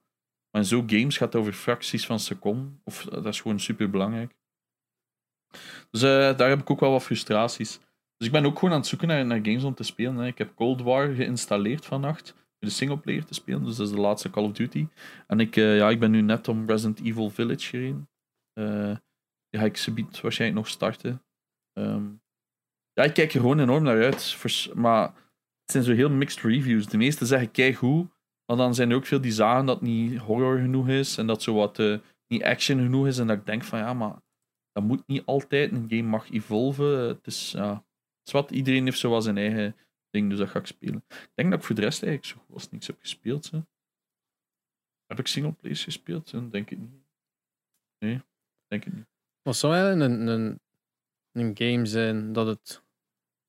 Dat uw interesse zou pieken om uw nieuwe main game te zijn? Geen een Goeie Battle shooter. Royale, veronderstel ik. eh. Toch een tactical shooter. En het probleem is, iedereen probeert een tactical shooter te maken, maar dan moet er boek op zijn of niemand speelt dat. En het beste voorbeeld dat ik kan geven is Battalion 1942. 44, ik weet niet meer welke dat was. mhm. Dat, was, dat zat er boek op. Die wisten exact wat ze moesten maken. En die hebben twee fouten gemaakt. Eén Wereldoorlog 2 teaming van een multiplayer interesseert niet veel mensen niet meer. Die jonge mensen, die generatie nu, wat boeit die dat? En dat is een beetje het probleem tussen de generaties dat ik nu ben en misschien nog net die voor ons, of voor mij, en die van, die van jullie. Die vinden dat nog cool. Maar die nu willen die jetpacks, willen die eh, hippe skins. Snap je? Want dat is waarom dat Valorant voor, voor, voor meer voor een jeugd appealt. Dat is cartoony, dat is... Je snapt je, dat is niet zo fotorealistic. En, en een Fortnite, dat is helemaal wack met jetpacks en wat is het allemaal. Dus dat is nog iets anders. Maar voor mij een goede fucking 5v5 shooter. En het ding is, de meeste mensen van mijn community, wat dan meestal mensen van mijn leeftijd ook zijn, die zitten allemaal te zeggen, ik wil terug een goede tactical shooter. En wat bedoel ik met een tactical shooter is niet rondlopen als bunny hoppend zoals dat Call of Duty is. Hè. Dat is geen tactical shooter, dat is gewoon een FPS. Tactical shooter is Valorant en CS. Dat zijn eigenlijk de beste voorbeelden. Gewoon 5v5 of 6v6 of whatever. Hè. Gewoon team-based. Een goede shooter, waar dat niet te gemakkelijk is. En maar niet te veel blabla. En dat is een beetje het probleem wat Valorant heeft gedaan. Is, die maken het weer super moeilijk, want er is altijd ruzie in de pre-lobby wat we moeten kiezen. En dat is wat dat Overwatch een grootste probleem ook was. Elke fucking klein wilt instant damage dealer zijn. Healer, saai, tank, saai. Snapte? Want je hebt bepaalde... Jij moet bepaalde tasks uitvoeren. Terwijl een tactical shooter, buiten een pro-omgeving, is...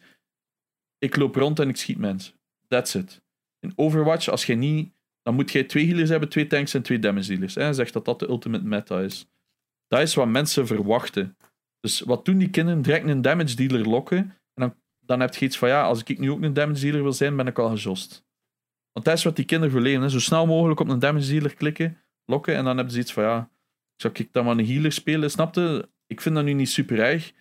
Maar ik krijg heel vaak de vraag van, ja, jij speelt toch zoals een damage dealer? Waarom doe jij dat dan niet? Ik zeg, ja, maar ik heb nooit de kans. Ik ben aan het praten met mijn chat en iedereen haat u omdat je dat doet, dat insta-lokken. Want als zij geen duelist mogen zijn, zo heet dat dan, een damage dealer, dan lieven die gewoon, dan dodgen die. Dus dat, dat is een heel groot probleem dat Overwatch ook had. En hoe hebben zij dat opgelost? Dat jij van tevoren, voordat je in de queue zit, moet je zeggen welke classes dat je wilt spelen. En als, dan wordt er een aan u geassigned. En jij kunt dan ook geen andere kiezen. Het probleem was, dan had je queuing times van 15 minuten. Als jij ook damage dealer wou zijn, ja, dan moest je 15 minuten wachten voordat er een game was of zo. En dat is een doodsteek geweest. En bij Valorant is dat nu weer hetzelfde probleem. Vanaf een bepaalde rank, die wil allemaal hippe clips maken voor TikTok. Als jij erachter loopt met je heels, ja, dat is niet zo flashy als eerst binnenlopend en met mesjes rondsmijten, snapte? Dat, dat is geen TikTok-materiaal. Dus who the fuck cares? En, en, en dat is wat een goede tactical shooter zoals CS niet heeft. Dat is gewoon hier. Schiet mensen neer. Oké, dat komt nu raar over, maar schiet de vijand neer. en, en ja, ik weet het niet. Een goede shooter breekt gewoon. En ik heb ook geen zin in zo dat multiplayer doen, like, like Call of Duty. Zo, kom maar, 20 v20 doen en respawnt elke seconde. Ja, dat vind ik ook niet zo skillful. Ik, ik, ik, ik hou van die, wat dat jij bijvoorbeeld haat, is dat die moeilijkheidsgraad. Is van, ik wil dat ik goed kunnen en ik moet daar super veel tijd in investeren om dat goed te kunnen. Ik speel nu al zoveel jaar CS, ik kan dat ook nog Het altijd is niet zozeer de moeilijkheidsgraad die mij frustreert, het is eerder de onfairheid van de moeilijkheidsgraad. Het, is niet moe- het moet niet moeilijk zijn om moeilijk te Allee, dat, dat ze zo, we gaan moeilijk doen om moeilijk te zijn. Zo dat shit. En like die een spray en fuck shit. Allee, dat is zo. Ja, maar spray in Valorant is random, dus dat is helemaal kukt. Dat, dat frustreert mij ook. Maar ja, Dus- zelfs al was het niet random, het is en blijft een spray. Ik kan er niet zo goed af. Als dat is in een game dat dat. Allee, like in like Warzone en shit, dat ook allemaal spray natuurlijk. Maar je zit er nog een klein beetje op, zo. Het wel Ah, vergeleken wel, met. dat, is het, hè, ja. dat is het grote frustratie van de meesten in Call of Duty. Zeker met aim assist. Het is gewoon snap en elke fucking gun bijna die, die blijft gewoon zo in datzelfde cirkel die kogels schieten. Terwijl Ja, maar is dat- zo... Ja, dus, dus dat dat zo met. Ik, ik kan, we hebben het al gesprek al gehad natuurlijk, maar ik kan, ik kan dat zo like niet af dat als je dan uiteindelijk dan toch de reflex en de skill hebt om je op tijd te snappen naar iemand zijn kop en erop te klikken, ja, dat gemist. En dat, dat zo, maar ik heb erop geklikt. First bullet accuracy, hè. bij Valorant is dat ook. Dus je eerste kogel is er pal op, bij CS is dat ook. Dus dat is echt zo de... de dat is waarom dat die man allemaal in aimlab zo zitten te snappen. Hè. Dat is Ja, super ja. belangrijk. En ik vind dat ergens wel cool, maar dat is ook gigantisch frustrerend. Als het zo als je uw dag niet is en bent maar 80% van je capability of zo aan het spelen, dan word jij los in je oog geboord. Hè. En, en ik snap dat dat super frustrerend is. Ik heb dat nu ook met Valorant. Hè. Ik heb gewoon twee dagen geleden gezegd, nope, ik heb gewoon game afgesloten en gewoon ik ga Uncharted spelen. This is, this is comfy. Comfy gaming. Mhm. Ik heb geen zin in 13 jaar dan naar mij zitten roepen hoe dat ik een spel moet spelen, terwijl ik het beter weet. En ik weet dat ik het beter weet, maar ja, die kleine man, die hebben gewoon... Hoe zeg je dat? Die hebben geen, geen filter niet meer. In mijn tijd, als er iemand goed was of zo, dan hadden daar schrik van en had, zoiets, had daar respect voor en je wou, beet, en je wou daar zoals zijn. Nu zitten ze te roepen als je moeder aan. En ik denk van ja... En, en meestal beginnen die zo nog in hun eigen taal naar u te roepen en dan denkt je, oké, ja, I'm out. Snap je? Ik zit niet meer in de fase dat ik meestal terugroep. Bij mij is gewoon, oké, I'm out. Ik word te oud voor deze shit, man. Ik heb gewoon hoesting om op mijn gemak een game te spelen. Maar dat competitie een beest van, in mij kan het niet loslaten om toch multiplayer te spelen. Maar ik vraag me dat soms wel af als ik u zie streamen en shit hoort zeggen. Dat ik vraag me af van. Wat is er nu tegen team gezegd dat wat niet? Ah, ja, ja, ja. Dat is, dat moeilijk voor als kijker. Ik denk niet dat we dat kunnen zien wanneer je je key induwt voor, voor eh, push to Het kan zijn dat mijn docu-cam ervoor zit. hè. Ja, meeste is wel tegen mijn team. zo. Ah ja, sowieso in het Engels, maar... Ja, ik snap u. Ja, het probleem is, ik amuseer mij niet meer 100%, maar for some reason amuseer ik me genoeg om het te blijven doen. ja. En dat is een heel foute ingesteldheid, want ik doe het graag, maar het- ja, ik denk dat ik te oud word. En ik, ik geef dat niet graag toe. Maar ik wil het ook niet zomaar opgeven. Snap je? Er zou zo'n soort boomer-version moeten bestaan, waar je enkel 25 plus eh mocht meegamen, snap je? Maar is dat iets dat je zelf kunt ontwikkelen? Ja, maar ik bedoel games. Ah, ja, of, of zelf in games zelf, dat je zo... Sowieso heb ik, heb ik al kei lang een zot idee om een soort anti-cheat te maken dat gelinkt is aan je identiteitskaart, maar... Ja, we bedoelen like de, de tactical shooter game dat je wilt. Is dat iets dat je zelf kunt maken? Nee, nee. Ik denk dat zeggen dat wel zal kan binnen amen. Als je dat wilt, dan moet je toch al een 100 miljoen hebben of zo. Het Allee, het probleem is om te kunnen competen op deze markt. Kijk naar een game zoals Scavengers. Die hebben een, waarschijnlijk hadden die een goed idee. Of eender welk bedrijf dat nu afkomt met een game in het shooter genre. Je hebt niets, we hebben een keigoed idee, we gaan dat maken. Maar je merkt dat dat toch heel moeilijk blijkt te zijn, terwijl het heel simplistisch zou moeten zijn.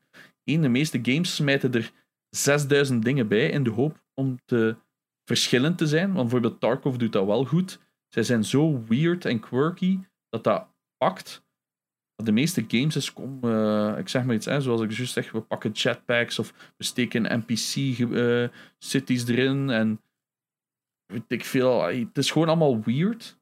Want bijvoorbeeld die bounty contracts werken wel in, in Warzone. Bijvoorbeeld, hè, dat je een contract oppakt en dat iemand specifiek moet gaan zoeken. Maar aan de andere kant sukt dat, want je hebt ook geen kans om dat niet te doen. En, want dat is het, dat is het coole aan, aan een goede shooter, is dat jij alles wat kan gebeuren, zou je in principe moeten kunnen counteren. Door ofwel movement, positioning, ehm, skill, wat dan ook. Je zou moeten kunnen counteren. Maar als jij ergens rondloopt, je hebt Ghost. Hè, je weet wat Ghost is, dat je niet op de minimap en zo tevoorschijn komt. Maar dat pakt gewoon een of andere elfjarige contract op dat op de grond ligt. En die zie je perfect zitten op de map voor drie minuten. Dat is voor mij geen skill. En je kunt dat niet counteren. En dat zijn fouten wat ik niet snap dat bedrijven dan nog altijd maken. Dat ze te veel incentive geven aan entry levels. En het geeft nog een keer een extra bonus aan goede levels. Dus dat is counter. Ah ja, dat wat. Ja, ik heb niet zoveel gespeeld. Misschien is het tijd voor zeggen. in mijn ideale wereld zou ik misschien een coole shooter kunnen maken. En er zijn veel bedrijven die dat kunnen, maar blijkbaar is movement is het allermoeilijkste. Als, als, je, als je een game speelt, een shooter, en je beweegt en dat voelt niet goed aan, en je kunt u nooit je vinger daarop leggen wat er precies scheelt. Maar als, je, als dat niet goed voelt, speel ik dat ook niet meer. En dat, is, en dat merk je ook, waarom dat, dat dan niet populair is. Op Warzone, movement is super smooth. Hè? Je, hoe dat je beweegt en zo, hè, met dat gliden en al, dat, dat, is, dat voelt super smooth aan. Tegen dat je aan sukt, is dat je niet over een fucking rots kunt springen. Van een 10 centimeter hoog, want dat is broken. Maar voor de rest heeft dat super smooth movement. En CS ook, en Valorant ook. Maar dan speelden ze andere shooters, dan denk je, this zijn dit chief. En ja, dat is blijkbaar moeilijk. En weinig mensen kunnen daar hun vinger op leggen. Ja, misschien is het tijd dan, uh, zeggen. um, ja, waar heb ik You have 10 minutes, go. Ja, um, uh, vorige week had ik gezegd dat ik Jack 1 had ge, of ja, mhm. heel de Jack en Dexter collectie had gekocht. Uh, Jack en Dexter 1 heb ik dan ook uitgespeeld en geplatinumd, because that's how you do that. Dat is ook niet belachelijk veel tijd dat je daar moet insteken. Maar het is gewoon enorm fun om nog eens opnieuw te spelen. Het blijft gewoon een heel goede platformer. Uh, een beetje gelijk een comfort blanket. So dat is zo het beste van Crash Bandicoot rolled, rolled into a game. Dus ook de soundtrack en zo, het is echt wel super nostalgia voor de Crash, uh, Crash Bandicoot era. Het is dan ook natuurlijk dezelfde makers. Uh, en eens dat ik die uit had, ben ik dan naar Jack 2 gegaan. Wat toch wat destijds wel de betere game was, maar met tijd natuurlijk zo wat verminderd is. Gewoon omdat het is meer een GTA-game. Het is ook gelijktijdig met een GTA 3 gemaakt ongeveer. Dus het is niet alsof zij zo die voorbeeldige dachten van ah, we moeten dat ook hebben. Dat is gewoon, denk dat er een half jaar tussen die twee games zit of zo. Dus het is gewoon waar dat de markt aan het evolueren was, I guess. Maar ja, het is zo. Daardoor heeft het game ook wel wat meer frustraties. Zo de, de map design is zo meer een maze waar je constant moet doorvliegen, waardoor je meer tijd aan het steken zijn andere wagens te ontwijken in plaats van deftig te kunnen rondrijden. Alles zijn ook zo van die tight corridors om door te werken en zo. Dan mm. Daardoor moet ook elke keer naar andere. Het is wel clever gedaan doordat ze wel zo hubs, levels er nog wel in zitten, gelijk dat je dat kent in andere platform games. En gewoon die stad is een manier om dat allemaal te verbinden. Dus op zich, de game, als het dan speelt in die aparte levels, is enorm goed. Het is gewoon die stad dat ertussen zit, dat het zo allemaal wat lastiger en minder fun maakt. Plus dan ook zo de meer edgy style van de vroeg jaren 2000 is natuurlijk ook wel wat verouderd ondertussen. Het verhaal blijft natuurlijk nog altijd wel heel goed, mm. maar het is, zo de, de, het, is, het is wel wat rough geworden. En ik weet dat heel veel mensen de 2 beter vinden dan de 3.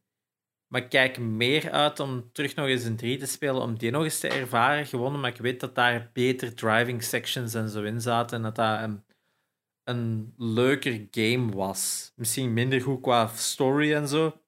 En ook minder moeilijk. Maar gewoon meer fun. Dus ik kijk wel uit eens dat ik een 2 uit heb om aan een 3 te beginnen. En een grote frustratie is wel.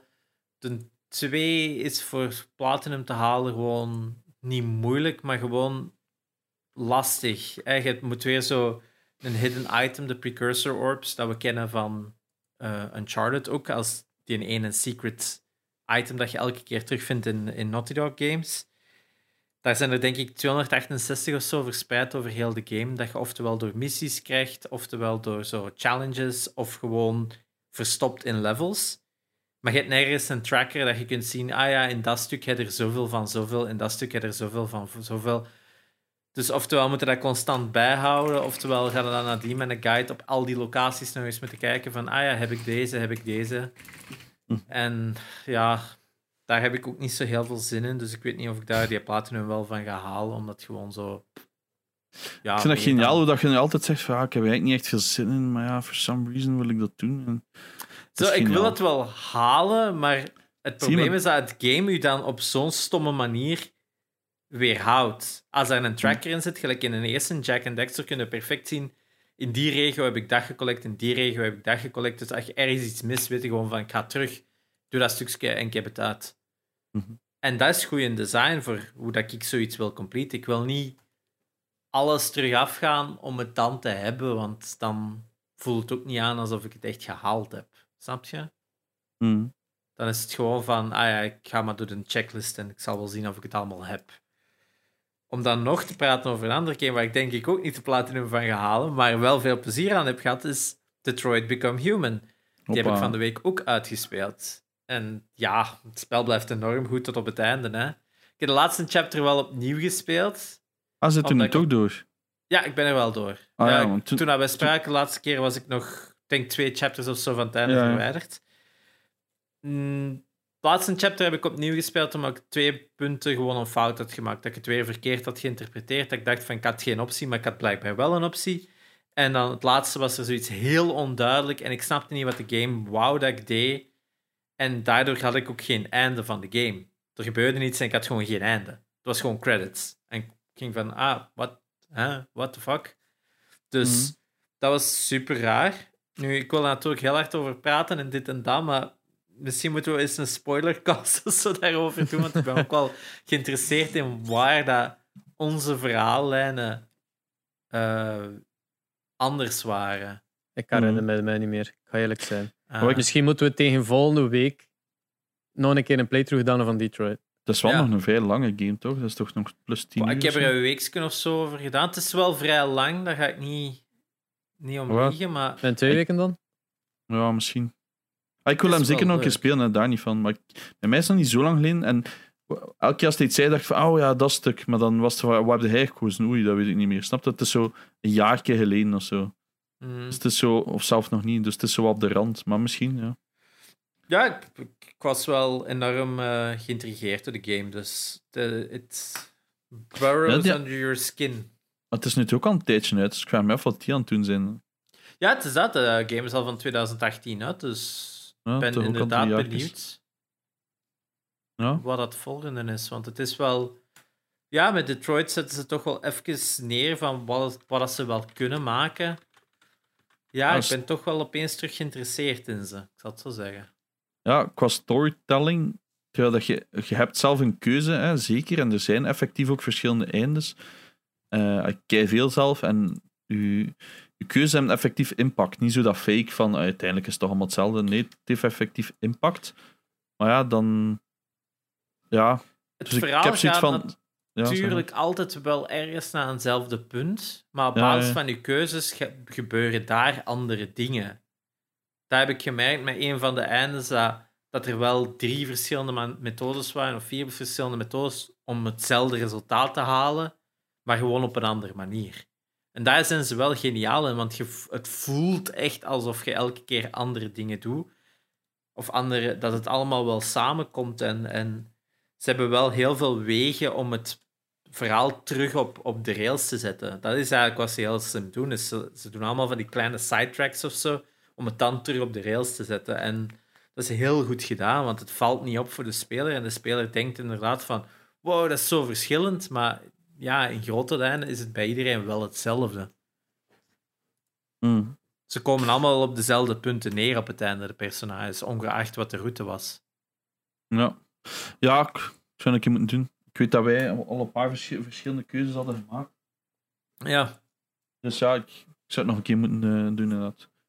dus dat. Let's, let's do that. Oké. Yep. Ehm, en dan ga ik nog eens even nadenken of ik nog iets heb gespeeld. Ik heb nog wat op, eh, gewoon, zoals altijd, op mijn Game Boy Advance een beetje zitten spelen. Gewoon, because it's fun. En zo perfect tussen Mm. de soep en de patatten, zo vijf minuutjes even gamen. Dus dat is wel fijn. Maar ik denk grotendeels dat dat het is. Ik denk dat ik nu wel ehm Psychonauts nu nog eens klaar heb gezet voor eh toch eens op PS4 nog eens te herspelen. Nu dat een tweede ook binnenkort gaat uitkomen, dat ik volledig klaar ben voor de tweede. En ik ga het nu al waarschijnlijk zeggen, er spijt van hebben, maar daar dan proberen voor de Platinum te gaan. ik, weet dat dat, ik weet dat ik daar wel in mijn originele playthrough wel heel veel van de secrets en van de dingen had gevonden en zo. Dus het is zeker doenbaar op een paar dingen na die wel heel, heel specifiek zijn om te halen. En zijn ook wel, eh, er is ook wel wat points of no return dat je wel moet uitkijken voor missable things waarschijnlijk. Dus eh, gezien dat ik het spel toch perfect ken, kan ik daar wel per, met een guide werken voor te zien dat ik nergens iets mis. Maar gelijk, ja, Detroit, dat je daar die platinum moet halen, dat is zoveel verschillende keuzes, zoveel verschillende methodes dat verhaal kunnen lopen, ja. Eh, iemand in Hmm. onze Discord heeft het gedaan. Oké, je moet maar twee playthroughs doen, maar in die twee playthroughs moeten dan elke keer bepaalde chapters herspelen om dan andere keuzes te maken. En je kunt nooit ergens iets skippen van dingen dat je al hebt gezien. Dus Mm. Het is wel een, een opdracht. Wat wel spijtig is, want ik zou heel graag het spel willen herspelen, maar enkel de Connor-stukken, om die compleet anders te doen, bijvoorbeeld. Omdat ik die op een methode heb gespeeld dat ik gewoon niet zo leuk vond, maar op een gegeven moment voelde van dat is de enige methode dat ik hem eigenlijk nu nog kan verder spelen, dat nog logisch blijft. Hm.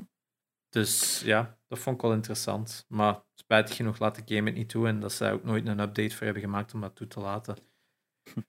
maar ja, misschien de PC-versie, ik weet het niet. Ja, ik weet niet of de... Misschien zal waarschijnlijk wel een mod voor zijn. Ja, ja, op de. PC-versie zal mi- misschien iemand dat wel gedaan hebben, maar ja, daar zijn dan. waarsch- De, de, de Epic Store-versie heeft dan bijvoorbeeld geen achievements, dus dan maakt het al niet echt uit. Hè. dat is puur voor de story te Dit zien. En dat kun je ook via YouTube doen, natuurlijk, hè, als je het echt wilt zien. Is Dus misschien minder moeite. Ook. True. Nee, ik denk, nog? ik denk dat dat zo wat het belangrijkste is dat ik gespeeld heb. Ah, wacht, ik ben nog één game vergeten, sorry. Ja, zeg maar. Eh, Formula 1 2020 heb ik ook zitten spelen. Hola. Ja, Oh. want ik heb Formula 1 2020 zitten spelen voor Digital Underground. En die video zal waarschijnlijk ook vandaag online zijn. Dus eh, ik ben daar uitgenodigd om in de simracer het circuit van Barcelona te verkennen en daar een snel een tijd neer te zetten. Dus eh Ik ben heel ga dat zeker zien op YouTube. Ja. En de link is hier, als je hem dan al hebt. No, fuck dat. Eind doen dat. Het staat in de beschrijving, want niemand kijkt toch naar dat dingetje. Dat Eh, ding in ieder is geval, weg. eh, volg ons allemaal op Twitter. Koop shares en games. Join de Discord. Bedankt om te luisteren de volle twee uur. En eh, ik ben Espe. Ik ben Cherre. Ik was Genox. Tot volgende week. Yo. Joe.